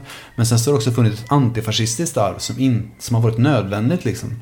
Så att, så att de, båda de lägren är ganska stora. Men den högerextrema miljön i, i Italien nu är jätte, jättestor. Eh, och, För, för jag märkte det. Jag var på bröllopsresa med Lisa i Rom. Satt ute och käkade en kväll, bara så här, vanlig restaurang. Och så pratade lite så här med kyparen. Så, så bara, hur trivs ni här i Italien? Bla bla bla. Han säger bara, ja men nej, det- jag gillar inte det här längre. Det är för mycket svarta här. Alltså om någon hade, en kypare på en restaurang i Sverige hade sagt liksom bara, det, för, det finns för mycket svarta i Sverige. Då hade den restaurangen fan fått stänga på rot. Eller blivit någon så här ja. eh, STs kvarterskrog. mm. Men bara höra någon säga det liksom, typ i en vanlig konversation. Inget jävla himmel liksom, till någon som man inte känner. Det var ju helt, helt sjukt. och sen extra skumt också, liksom för svartmuskig italienare står och snackar om att det är för mycket svarta va. Man blir så jävla provocerad. Det stod inte också att de hade affärer som typ sålde nazimusik bara? Ja, ja, ja säkert. Ja, men typ nazistbutiker. Ja. Vad fan det nu var. Det kan, det kan vara Tyskland också. Men alltså fascismen i Italien är ju, dels så har den ju aldrig blivit, som sagt, blivit eh, omodern. Men sen så har den ju också, är den ju så jävla stor. Alltså Lega Nord har ju varit igång ganska länge. Och de var ju liksom, alltså så här, de har gjort aktioner i Medelhavet och så liksom. Eh, ja men försökt hindra folk från att eh, rädda folk som håller på att drunkna eller de hade någon idé om att de skulle försöka ta sig, det här är ganska länge sedan. Men att de skulle försöka ta sig med båt från Afrika till Italien bara för att visa på hur lätt det var. Vilket ju slutar med att deras båt så här går sönder och att kustbevakningen måste, måste rädda dem typ. Men de har ju varit, alltså så här, de är ju en, en fasciströrelse i Italien har varit länge. Och sen så femstjärnerörelsen nu som är jätte, jättestor som dels har liksom sin så här väldigt nativistiska syn men också ett ganska stort så här, socialt program. Och sen så att det finns liksom de, ja Berlusconi kan vi ju bara ta och slänga med där som har, som har styrt Italien under otroligt lång tid liksom och, och verkligen kört den här alltså sammanslagningen mellan, mellan statlig makt och, eh, och företagsmakt som är en annat så alltså fascistiskt signum. Och sen så att det finns liksom en stark fascistisk gaturörelse i Italien. Och en stark antifascistisk rörelse. Men det är, just nu är det nazismen vi pratar om. Ja, fan det är ju... Det är ju skumt alltså. Det- Så det finns ju guld att tälja i Italien om man är, alltså så här, om man är, om man är fascist och vill sälja det liksom. Eller om man är antifascist och vill ha mycket att göra. Precis, precis. om, man, om man inte tycker om att så här, ta det lite lugnt eller sova gott på nätterna eller sånt. Då, då finns, det ett, eh, finns det ett hål att fylla där så att säga. Uh, ja, ja, fan det är ju skum. Och så blir det också liksom den här, om vi nu snackar uh, av vissa av de här banden som, som dessutom då är veganer, som straight edge.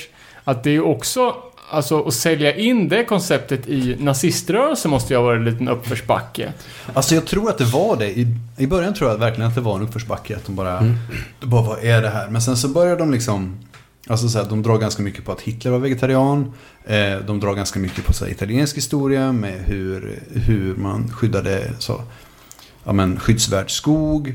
Och liksom på något sätt har, har tagit ett, ett fascistiskt arv.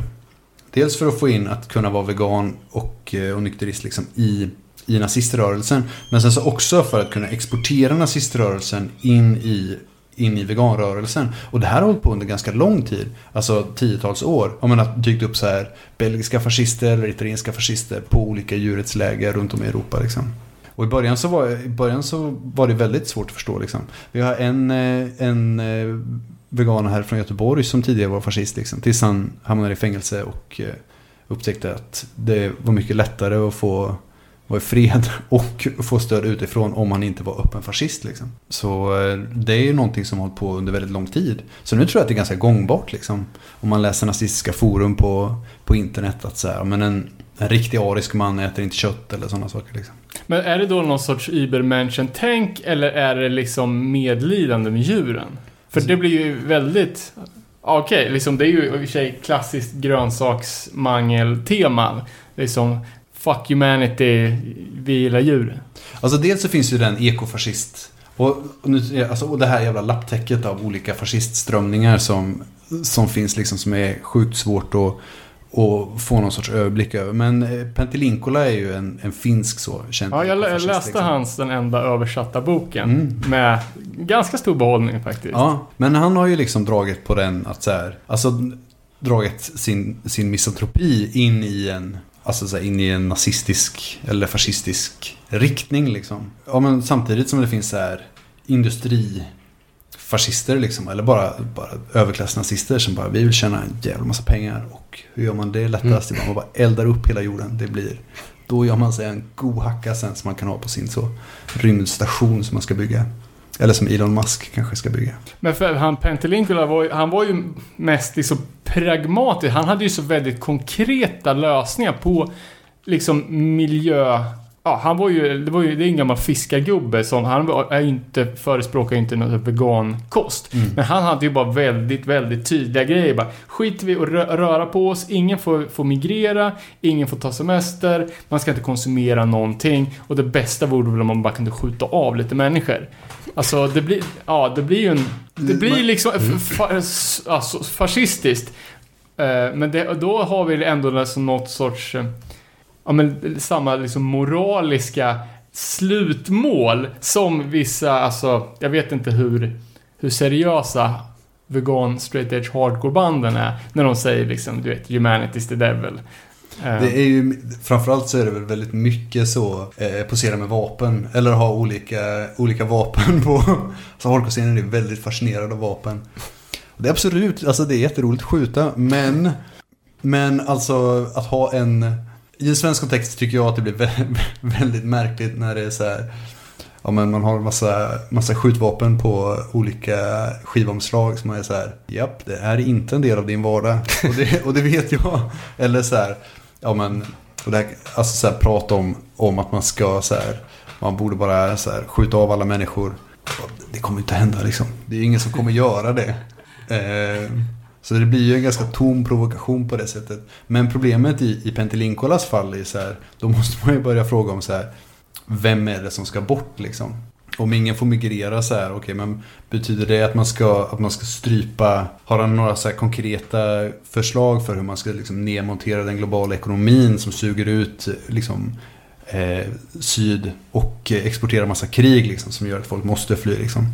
Det är ju inte så att folk gärna bara, fan idag tror jag att jag ska lämna hus och hem. Ja, precis, mitt språk, lite min familj, bara, fan vad gött. Och sen så bara åka till något jävla kallt pissland där det är mörkt halva året liksom. Det är ju inte så det funkar utan folk flyr från, från omständigheter som kommer i stor utsträckning härifrån liksom. Ja, men så är alltså, och, och den boken också. Det var ju bara, allting var ju, ingenting var ju baserat på liksom cause and effect. Utan det här var ju bara köp, köp nu och liksom väldigt, alltså eh, väldigt raka lö lösningar på allting. Och, och många grejer var ju liksom superenkelt att genomskåda. Att det här är inte, inte ens den bästa strategin för att jobba för ett bättre klimat. Mm. Det här är ju bara Eh, shit, skitsamma, bara upp, upprapningar på olika liksom, eh, sätt och försöka rädda det, det lilla som återstår av den här planeten. Mm. Ska vi prata om lite länder? Ja, Jag har ju bäst koll på USA i... Ja, för att det är imperiets kärna. ja. Ett tag till i alla fall. Snart Vi, vi, har ju, vi är ju nästan USA-podden vi också, så det går bra. Ja, men där finns det ju... Alltså så här, den amerikanska... Den amerikanska nazismen är ju... Dels så skulle jag vilja plocka in... Alltså, republikan... Alltså så här, det republikanska partiet idag. Alltså det är ju ganska nära ett, eh, ett fascistparti liksom. Alltså, efter Trump och med liksom hans... Alla hans idéer, eftersom att han är liksom ledare för det republikanska partiet, då har vi ju ett, ett stort problem liksom. Och det finns ändå ett gäng, ändå ganska, alltså hardcore-band liksom som vi, som, som vi känner i vår scen liksom, som är republikaner. Jag tror att du har bättre koll på vilka, vilka band som liksom... Ja, Men är det så många? alltså det är ju... Det finns ju flera som har, som har ändrat åsikt efter Trump. Mm, okej. För att liksom, ja, den, den, klassiska konservativa, eller så... Det blir ju också så jävla skevt eftersom att Republikanerna st- står ju för någon sorts... Eh, ah, arbetar, eh, liksom blue collar, middle class American liksom. Fast Eh, de inte driver någon politik. som Exakt, nej för att de kör den exakt motsatta agendan. Så eh, det, det, det finns, ju, finns ju ett fåtal band, det har vi har ju snackat om, eh, ja inte vet jag, Murphys Law, I'm a proud republican, eller I'm a rad republican. Ja, vi har ju eh, Michael Graves, vi har Ramones folk, alltså eh, lite sådär. Och, eh, fan nu kommer jag, kommer jag inte på några bra exempel. Um, men, One Life Crew. Ja men, ja men exakt och liksom på punksidan så finns ju... Eh, Numera tydligen Johnny Rotten. Ja precis. Eh, men Antiheroes eh, från Atlanta, de är liksom klassiskt punkband som liksom har... De har ju nästan frontat som att de, de, de ledande inom den republikanska, ja, det är väl med ett street punkband liksom. Och sen liksom eh, de jobbar hela tiden för avskaffandet av allmän sjukvård och sen får någon i bandet cancer och så ska det upp en fundraiser. Ja. ja, det är ju det är kul så länge det inte drabbar mig liksom. Ja, ja men, eh, exakt. Men det känns ändå som att det är, det är ganska demokratiskt eller Green Party eller liksom... Ingenting. Ja, Eller ingenting. Eller ingenting. Eller eh, i Healys fall, allt. Ja, det, fin, det finns ju, det finns ju knäpp, knäppjökar också såklart. Men mitt, mitt tydligaste exempel från den amerikanska, den amerikanska liksom, eh, nazismen är väl RAM som jag tror vi pratade om tidigare. ja. Alltså som är, som kör jävligt mycket på liksom, alltså så här, de gör ju videos med, där de typ klottrar, slåss, eh, tränar. Och liksom det är inga, ja och så är det några nå hardcore beats på det liksom. Och sen så kör de ju mycket på så här, ja men camoshorts och armlösa tröjor och, och eh, mycket tatueringar och eh, ja, den här banderollen med 3X och No Tolerance och hela den liksom biten. Tror ni det sitter någon, någon Crossfit-podd nu och för, förfasar sig över att det är så mycket nazister som håller på med Crossfit? Vet jag inte. Alltså, eller ja, det Jag vet inte. För det, är- det är ju liksom det är återkommande temat. Det är ju det är ju de- deras jävla kettlebells. Det är ju fan... Det är ett bra redskap för övrigt som Ja. jag tycker folk ska använda. Eh, ja. Ursäkta stickspår. Nej, jag tror inte att Crossfit-scenen riktigt vill ta i det. Eh, De jag- får ta sitt jävla ansvar helt Ja, enkelt. Sätt ner, sätt ner foten. Men det var, eh, det här är också ett stickspår. Jag var och hälsade på en, en vän och bekant Per som bor i Ohio. Och där gör de också Rogue som är ett så crossfit-märke. Liksom, som gör dels massa vikter och så. Men också massa kläder och skor. Och, ja, de kör hela den grejen liksom. Och när man kommer in där så är det så tydligt, eller på deras, för det ligger i Columbus, deras headquarters liksom. Så då så, när man kommer in så är det bara massa olika så här faner från olika amerikanska militärförband. Eh, och typ så här, ja men om eh, folk som, eh, ja, veteranföreningar och sånt liksom. Så man märkte hur tydligt liksom eh, Crossfit har ett, ett militärt arv liksom. Och typ att de delade ut, fan vad det det var i Games då som är den här största Crossfit-tävlingen. Där vinnaren fick en Glock. som pris liksom. Ja, men många av de tävlingsmomenten är också uppkallade efter gamla stupade soldater. Ja, men precis. Så de har ju ett, eh, alltså Crossfit har ju ett, ett arv då som, right. som kommer från amerikanska armén som ju har gjort en del shady grejer runt om i världen. Men eh, så ja, någon Crossfit-podd som faktiskt gräver det här hade varit väldigt behagligt. Men å andra sidan, det blir så mycket tydligare då när det gäller punk och hardcore eftersom rörelsen i sin renaste form ändå är politiserad. Liksom. Mm, Precis. Precis. Och sen är det svårt att se, alltså många, om vi tar vårt favoritexempel New York. Alltså det är nästan svårt att bygga någon sorts varaktig rasistisk grej i ett ställe som är så pass mångkulturellt. Alltså i- i generationer. Det är ju eh, ja, smältdegen liksom. Det är ju liksom stadens slogan. Fast i, eh, när vi intervjuade Spencer, alltså med vi menar då bilda kedjor. Ja, när vi intervjuade Spencer Sunshine om den amerikanska milisrörelsen, innan den intervjun drog igång i alla fall, så pratade han om hur, eh, alltså att i New York så finns det ett problem med så multiracial neonazi-gangs. Så man undrar ibland vad nazism betyder nu för tiden. Ja, de är ju så väldigt inkonsekventa. Alltså bara man, eller jag vet fasen, det är ju sen gammalt också i och för sig med, med eh, hur, hur eh, SS hade en muslimsk division liksom för att de var judarnas naturliga fiender och sådana saker. Men, så att de har ju ändå, ja, det är oklart. Det är, det är jävligt oklart. Ja, eh, ja exakt. In, inkonsekvens är ju, är ju verkligen ett signum. Men sen finns det också, eller så här, och det här är också något som jag skulle ta upp. Eh, alltså de här provokationsbanden. Alltså jag tycker, så, jag tycker så illa om folk som vill provocera bara för provocerandets skull. För att jag tycker det är så dumt. Men då har vi ju då eh, One Life Crew. Som är ett, eh, alltså som är ett sånt band. Bara, vi vill provocera. Och då, eh, då drar de in en massa så, ja men jävligt rasistisk skit liksom i hardcore-scenen. Kan de inte provocera på något, ja, på något smart sätt istället för att bara stampa neråt? Jag vet inte hur mycket det faktiskt har påverkat folk eller om folk bara säger det här är ju bara ett, ett skojband. Möjligen. Eh, men det är ändå någonting som liksom normaliserar en Verkligen. massa jävla shady åsikter. Och problemet är ju eh, att One Life Cruise, alltså eh, Crime Reading Society, är så jävla bra. Det är en skitbra skiva. Det är det, s- för då blir det ju problematiskt på riktigt. Lyssna ju på den här, alltså klassisk svensk nassepunk. Det är ju så dåligt så att det, alltså det gör mig ingenting. Men eh, ja, det är ju problem för att när den skivan kom var ju det typ bästa old school hardcore-plattan på 2000, eller på, på, på slutet av 90-talet liksom. Men det är alltså så här, om man vill göra ett stickspår in i bara i Nasse Punk-biten. Alltså en, en, någonting som hände i, och nu blir det här så jävla gaggigt, men skitsamma. Vi kör ändå.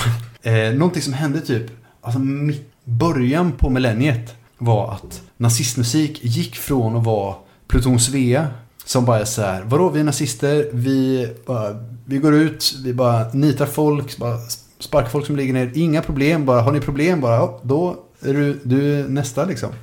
Och sen, sen kom det liksom, i och med den här identitära rörelsen tror jag, att eh, de började spela någon sorts så här nazistisk Lars Winnerbäck-musik istället. Finns det? Alltså svensk ungdom är, och det är så, det är så provocerande på så många... Är det ett band eller? Det är, det är ett band. Vi kan spela en låt. Gick du på gatan och lyssnade smått Utan att höra ett ord du förstått Var du någonsin tvungen att ensam gå hem Sen du rånats och slagits av främmande män Säg mig hur kunde ni låta det ske? Ni blundar för det som en blind kunnat se Känns det bra käre far? Är du stolt? Är du glad? Och var kommer du stå i vår strid av idag? Där fick vi då höra ett, litet klipp från, vad hette bandet? Eh, svensk ungdom. Och då har man liksom gått från att vara, från att vara Pluton Svea och ja, man hata mer, känga ner, till att försöka vara någon sorts gitarrgnäll liksom om att det är synd om mig. Ja. Men se så bra det gick för ex-nazisten, eller Lars Winnerbäck. Han lyckades ju slå, slå i folkhemmet. Så. Ja, det gjorde han absolut. Men jag förstår inte liksom vad man har, hur har man velat plocka bort det som jag kan tänka mig att folk dras till med nazismen. Att få vara så här, att få vara stark, oövervinnerlig och, eh, och farlig liksom. Eh, Och bara, ja men bli ytterligare en jävla gitarrkille som sitter och tjuter. Jag, har, jag har så svårt att förstå det. Tål Det- det- det- tänkas på. Det är väl förmodligen då som, som vi, vi snackade lite om innan att det kan vara en del i att appellera till en bredare publik och jag menar liksom det här är ju mer gångbart på, på deras festivaler än vad Pluton Svea är. Ja, liksom. jo, det- Exakt, Och det- för ett annat, inte för 18-åriga arga män. Nej, Där kan ju exakt. Ja, men en precis. morsa lyssna på eller någonting. Ja, exakt, exakt. Och breddat sin, breddat sin publik. Men jag tycker det är så provocerande dåligt. Ja, verkligen. Men att göra bra musik hade ju varit nazisters starka sida. Nej. Men då säger jag hellre att folk lyssnar på Pluton Svea bara rakt av. För att det är ändå, de är ändå liksom, ja, de liksom kan förmedla ett, ett jävla hat liksom. Men kan det inte gå en rät linje från det här då till just eh, de här skatepunkbanden i Italien som, där, där det ändå handlar om att rumsrenifiera ett meddelande som i, i grund och botten är superpiss liksom. Det skulle du absolut kunna göra. Jag tänker också att det går liksom en, en, alltså en rät linje från typ, ja men Triskelon som är det här svenska gamla nazist hardcore. Eller från Pluton Svea till Triskelon till liksom, ja men skatepunk. Eller det här eh, nazistbandet eh, 3D Fiket som spelar liksom trallpunk liksom. Ja men så här skämtsam trallpunk. Som, Det tog som, lite stund när polletten ramlade ner. Ja, men, som, ja men så här, mycket, mycket trallpunk är ju skämtsam liksom. Och med skämtsamma, skämtsamma bandnamn som Räserbajs till exempel. Mm. Eller Tuk Tuk Rally eller alla de här jävla banden som är med på Absolut 50 spänn eller Äggröran-samlingarna liksom. Eh, och ganska så här skämtsamma texter fast ändå med ett seriöst budskap liksom. Då har det här bandet gjort precis samma sak bara att de är nazister istället. Mm. Och, och det är catchy liksom. Vi var inne på USA Mm. och pratade om eh, RAM. Mm. Eh, fanns det fler framstående band där som du känner till som är liksom... Alltså Ram är ju inte ett band, det är ju ett, ett gäng typ. Ah, okej. Eller en, en, ja de vill väl se sig som en rörelse liksom. Mm. Eh, de är främst eh, eh, belägna i Kalifornien. Okej. Men det hade någon liten musikkoppling. Alltså inte jättemycket mer än den där musiken de spelar i sina videos. Och Och estetiken. Och, Mm. det är mest att de har en straight edge koppling i med de här eh, banderollerna som de har haft med eh, ja, 3X och sen så No Tolerance, No Immigrants, No Antifa, No Drugs. Men nå- någonting som man har lärt sig av, av de, de här, den här veckans eh, studerande av de här rörelserna är ju att de är så jävla dåliga på att komma på egna grejer. Ja. Och det, det, det roligaste exemplet var, jag tror det var, det här måste vi länka upp, jag tror det var tjeckiska Antifa som ha, hade lagt upp en lista på klassiska AFA och vänster-logos som bara har blivit helt, eh, ja, nassar som har tagit samma logo, suddat lite och lagt in sina egna budskap och börjat använda dem Eh, utan liksom att ens försöka komma på något eget. Eh, och så bara hitta några roliga exempel på, på saker som eh, nazi-hardcore har snott från den, den vanliga hardcore-scenen. Eh, och först är det ju då begreppet hatecore, eh, som, eh, som är typ ett allmänt vedertaget uttryck för nazistmusik. Framförallt i, i USA. Eh, det var väl till och med på CSI när det var en hatecore-spelning som det var någon som dog på. Och eh, ja, då var det ett nat, något sorts nazipunk-gig, men där var ju liksom underförstått att det ska man fatta, hatecore är nazistmusik och det, är- det har de ju såklart inte kommit på själva. Det finns ett, ett, eh, ett band från New York som heter SFA, eh, som eh, upp, Eh, så uttalat antifascistiskt band. De har till och med ett mordhot på telefon från nazister till sångaren som intro på en av sina, sina låtar. Uh, och de körde med, med hatecore redan 1990. Och likadant hate edge är också uh, någonting som uh, straight edge nazister slänger sig med. Och det är ju såklart också gammalt. Uh, Anti-Heroes sjöng Hate Edge redan 98, eller 1988. Ehm, och sen Hardline är ju kanske ingenting som någon saknar, men det har ju också blivit, blivit eh, kapat av eh, framförallt då vegan straight edge nazirörelsen. När de har tagit eh, den klassiska hardline-loggan med de korslagda automatvapnen och sen bara slängt in lite extra svastiker och kör, kör på som ingenting har hänt. Hardline, alltså Hardline för alla sina problem liksom. Om man vill veta mer om det, avsnitt 15 och bilda kedjor. Eh, så har de faktiskt uttryckligen att de är antirasister. Ja, eh, och sen eh, Typo Negative har ett gott band med hardcore-koppling då via, via sångaren Peter Steele. Eh, bland annat. Eh, de hittar ju på en flagg. Eh, ja, de, de gjorde ju eh, en skivomslaget till deras skiva eh, Vine, eller Vinland. Mm. Och det är vikinganamnet för USA. Och då hittar de på en flagga till Vinland. Eh, som är typ grön och svart.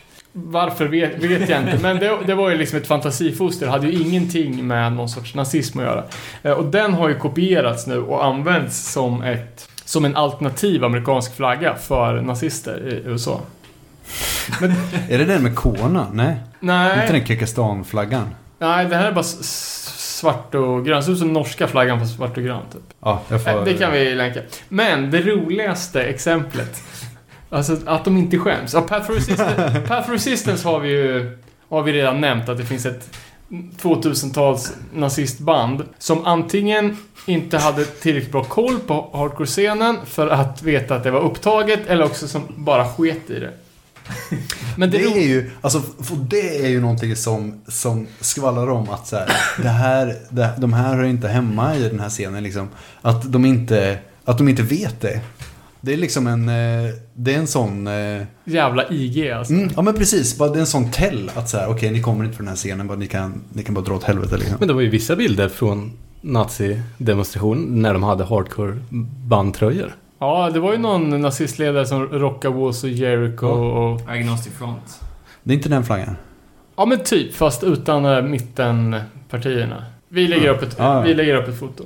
Roligaste exemplet då. Franska nazist-hardcorebandet Holdfast. Som istället för bandfoto tog ett foto på Harm's Way. det är skitbra. Och Harm's Way då, för de som inte vet, är ju nästan mest kända för att sångaren James Pledgy är jävligt bitig liksom. Ja. Och alltid kör i bara över och har häftiga tatueringar. Skitbra. Varför ligga i gymmet och svettas när man bara kan ta deras, När Google, när man bara kan googla ta deras promofoto och sätta in sin egen logo? Underbart. Om, om man tänker då lite utanför USA. Alltså det här är ju stort i öst. Ja, exakt. Och jag har dålig koll på, på band och jag, jag har liksom den scenen, öststatsscenen har jag generellt dålig koll på. Det är skitsvårt att eh, lokalisera sig också på internet eftersom de kör med sitt eget alfabet. Ja, Så man vet liksom inte, är det här bra stoff? Ska man kolla? Eller är det, är det ett riktigt hardcoreband? Liksom?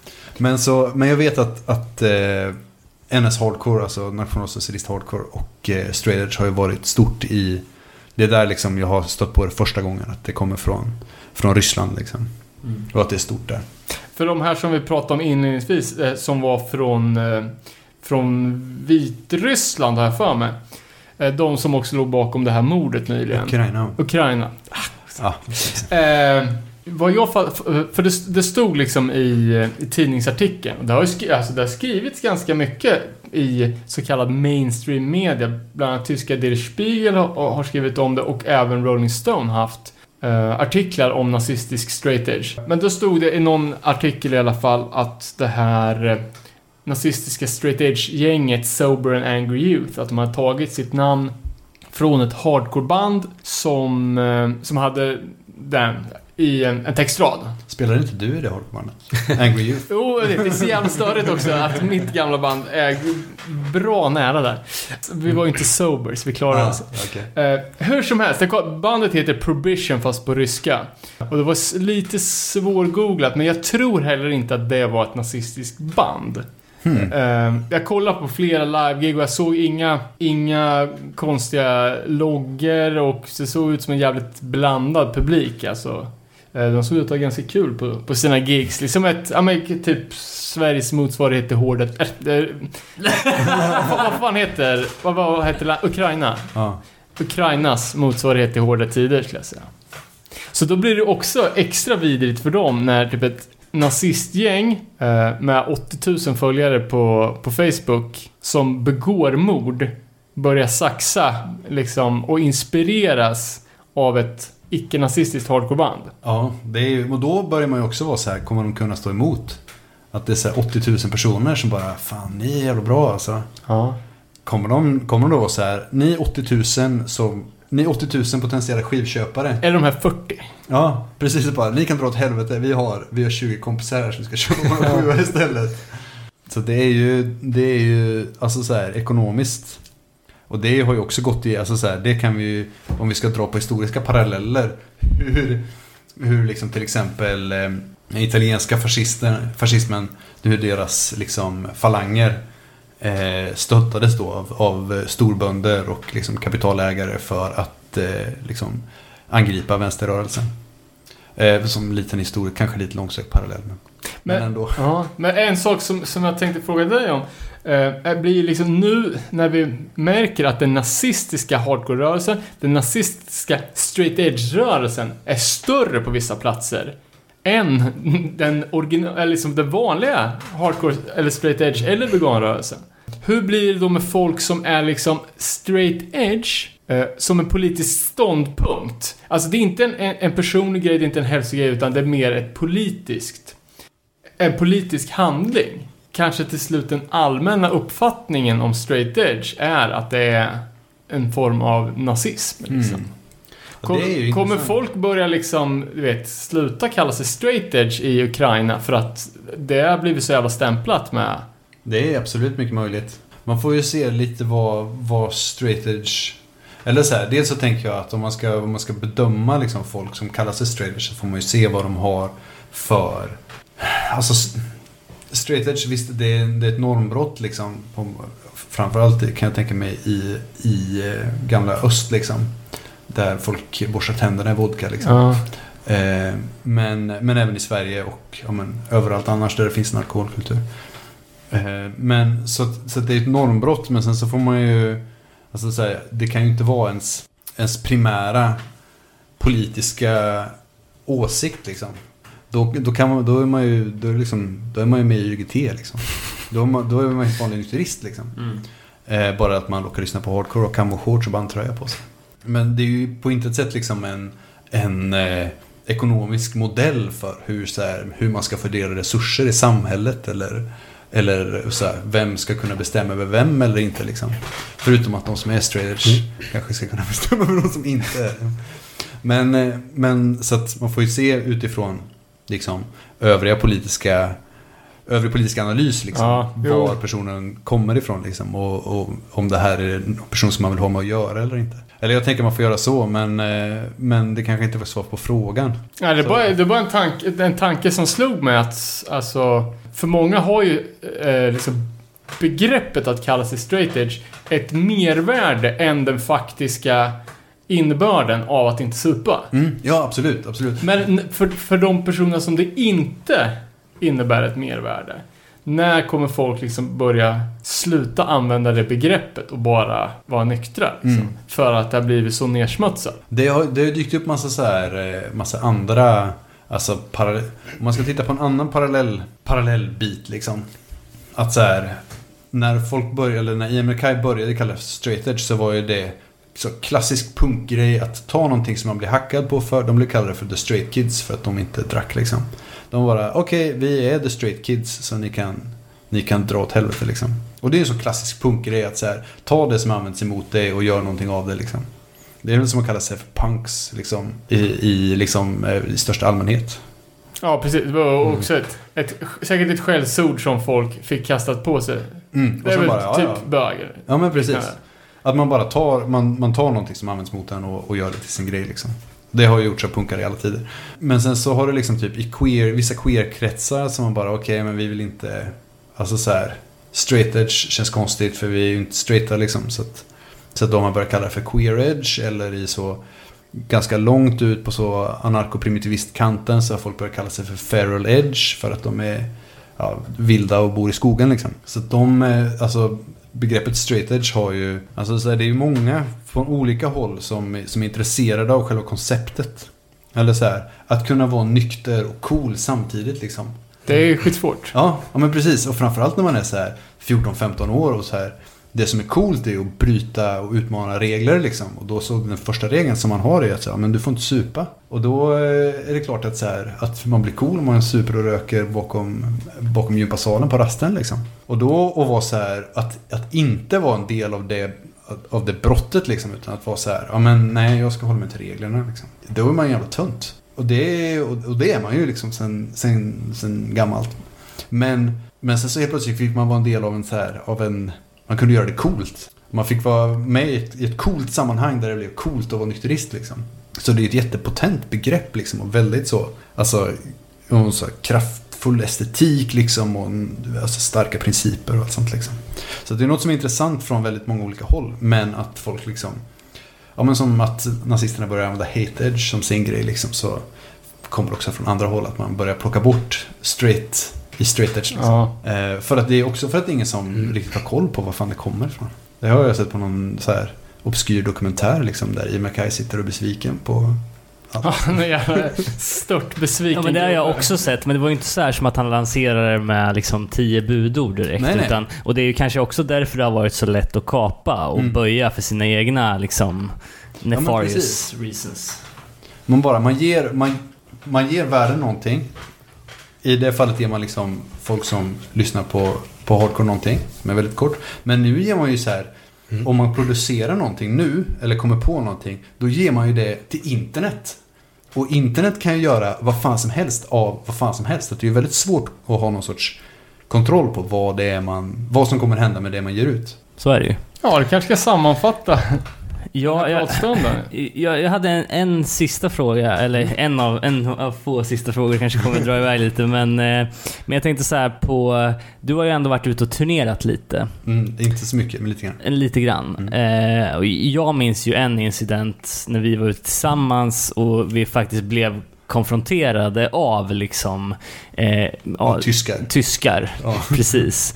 Liksom, har du upplevt det någon annanstans också i hardcore-sammanhang? Och vi kanske kan beskriva den incidenten lite. Det var ju, vi var ute med, det var ju Spiken och Lose the Life. Lose the Life är väldigt pro-Palestina liksom i Ja. både låttexter och stance liksom uttalat. Eh, det finns ju en konflikt med det när det gäller Tyskland också. Ja. Ja, de har ju eh, en liten inre konflikt när det gäller Is- Israel. måste- Sådär. Och då kan man lyssna på avsnitt 7 av Bildarkedjan.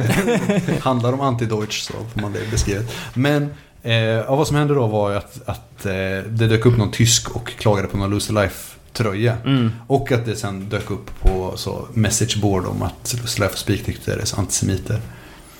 Ehm, och, det, och, och det handlar egentligen inte så mycket om Alltså det handlar ju bara om den här anti-Deutsch-prylen liksom. Mm. Att de eh, tyckte att det var, att det var hemskt att Lustlife hade en tröja med någon i som var maskerad med en Palestina-sjal på, Just det. på omslaget. Den diskussionen kom aldrig så långt. Det är väl också en ganska genomgående historia för folk som turnerar Tyskland känns det som. Ja, okej. Har- du har hört det från andra? Ja, nu senast när Waste var ute så tror jag att det blev liknande, en liknande diskussion med någon, någon tysk som bara inte kunde sluta prata om hur gött Israel är. Ja. Jag har också israel, äh, israeliska kamrater som har liksom försökt föreläsa i Israel och sen så blivit eh, kallade för antisemiter. Så Mm. det är väldigt så, också väldigt dogmatiskt. Men finns det, finns det andra länder där sådana konflikter inom hardcore kan te sig? Liksom? Jag tänker om man åker till valfritt land i öst och har eh, låtar som handlar om någonting som, som där inte är acceptabelt. Alltså, Ja, jag har bara svårt att veta vad de låtarna skulle handla om. Alltså, ja, men jag, jag, jag, tänker Iron som hade sin eh, sex positive Ja, exakt, som var mycket genderbender, queer och gay-propaganda liksom. Ja. Hur det skulle funka Jag hade på inte- Rysslands turné. Precis, jag hade inte velat åka till Ungern och spela de låtarna liksom, för att jag hade varit rädd för att bli mördad av nazister. ja, nej, Men då precis. hade det ju varit... Nu, ja, och då har man ju det här, då får man ju ett problem liksom när man har nazister på spelningar. Och det har man ju, alltså så här, alla forum där nazismen finns, finns det ett problem och de ska inte ha några plattformar alls. Och liksom rekrytera eller propagera i. Men om man delar liksom samma kultur i någon mån liksom, men att man hatar varandra och vill mörda varandra är ju, då blir, måste man göra sin research väldigt, väldigt noggrant innan man, innan man åker ut. Vad det. Det är som, fan det var också ganska länge sedan, men olika punkband som blev bokade till Kuggnäsfestivalen. Som var en svensk nazistfestival.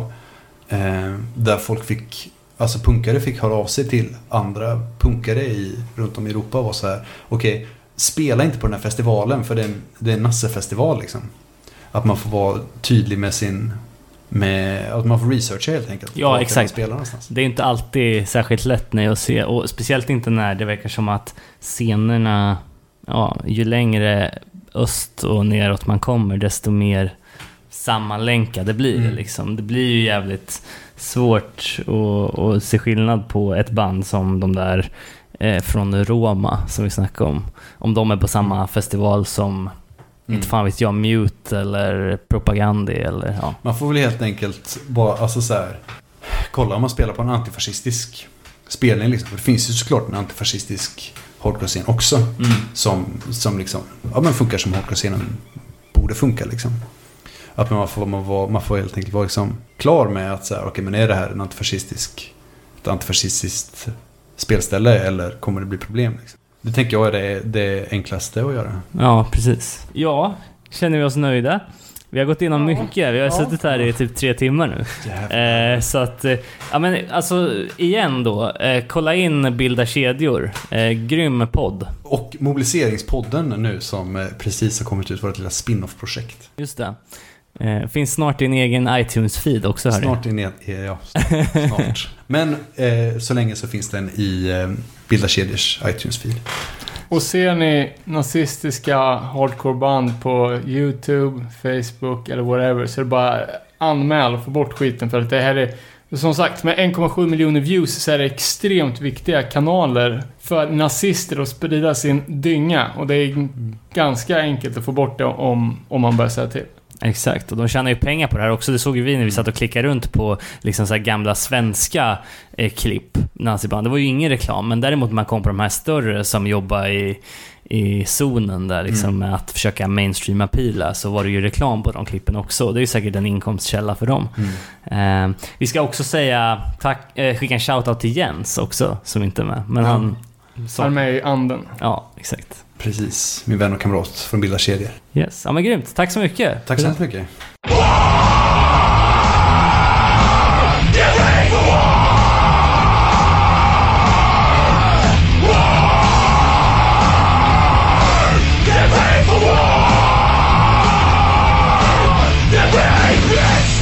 Cocksucking racist piece of shit! I stab you in your fucking head, piece of shit! I took the life from your lungs, piece of shit!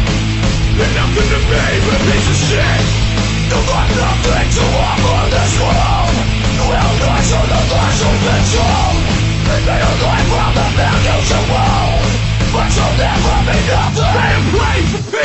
Prepare for war!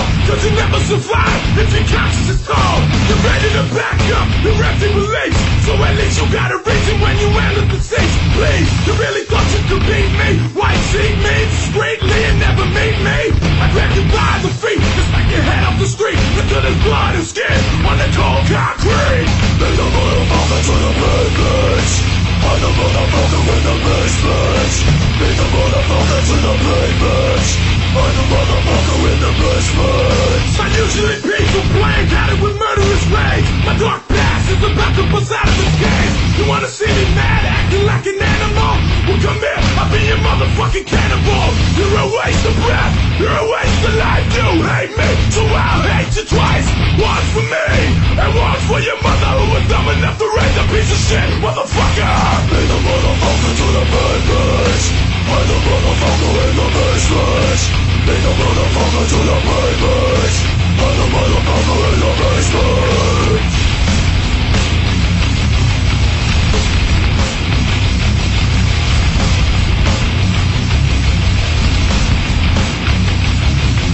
Take the motherfucker to the papers I'm the motherfucker in the basement Be the motherfucker to the Like a piece of shit!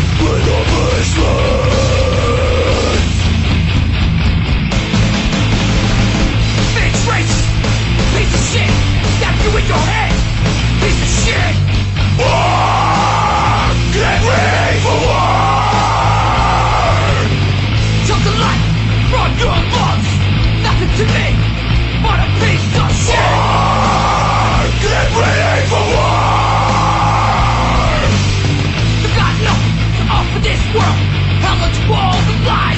Talk!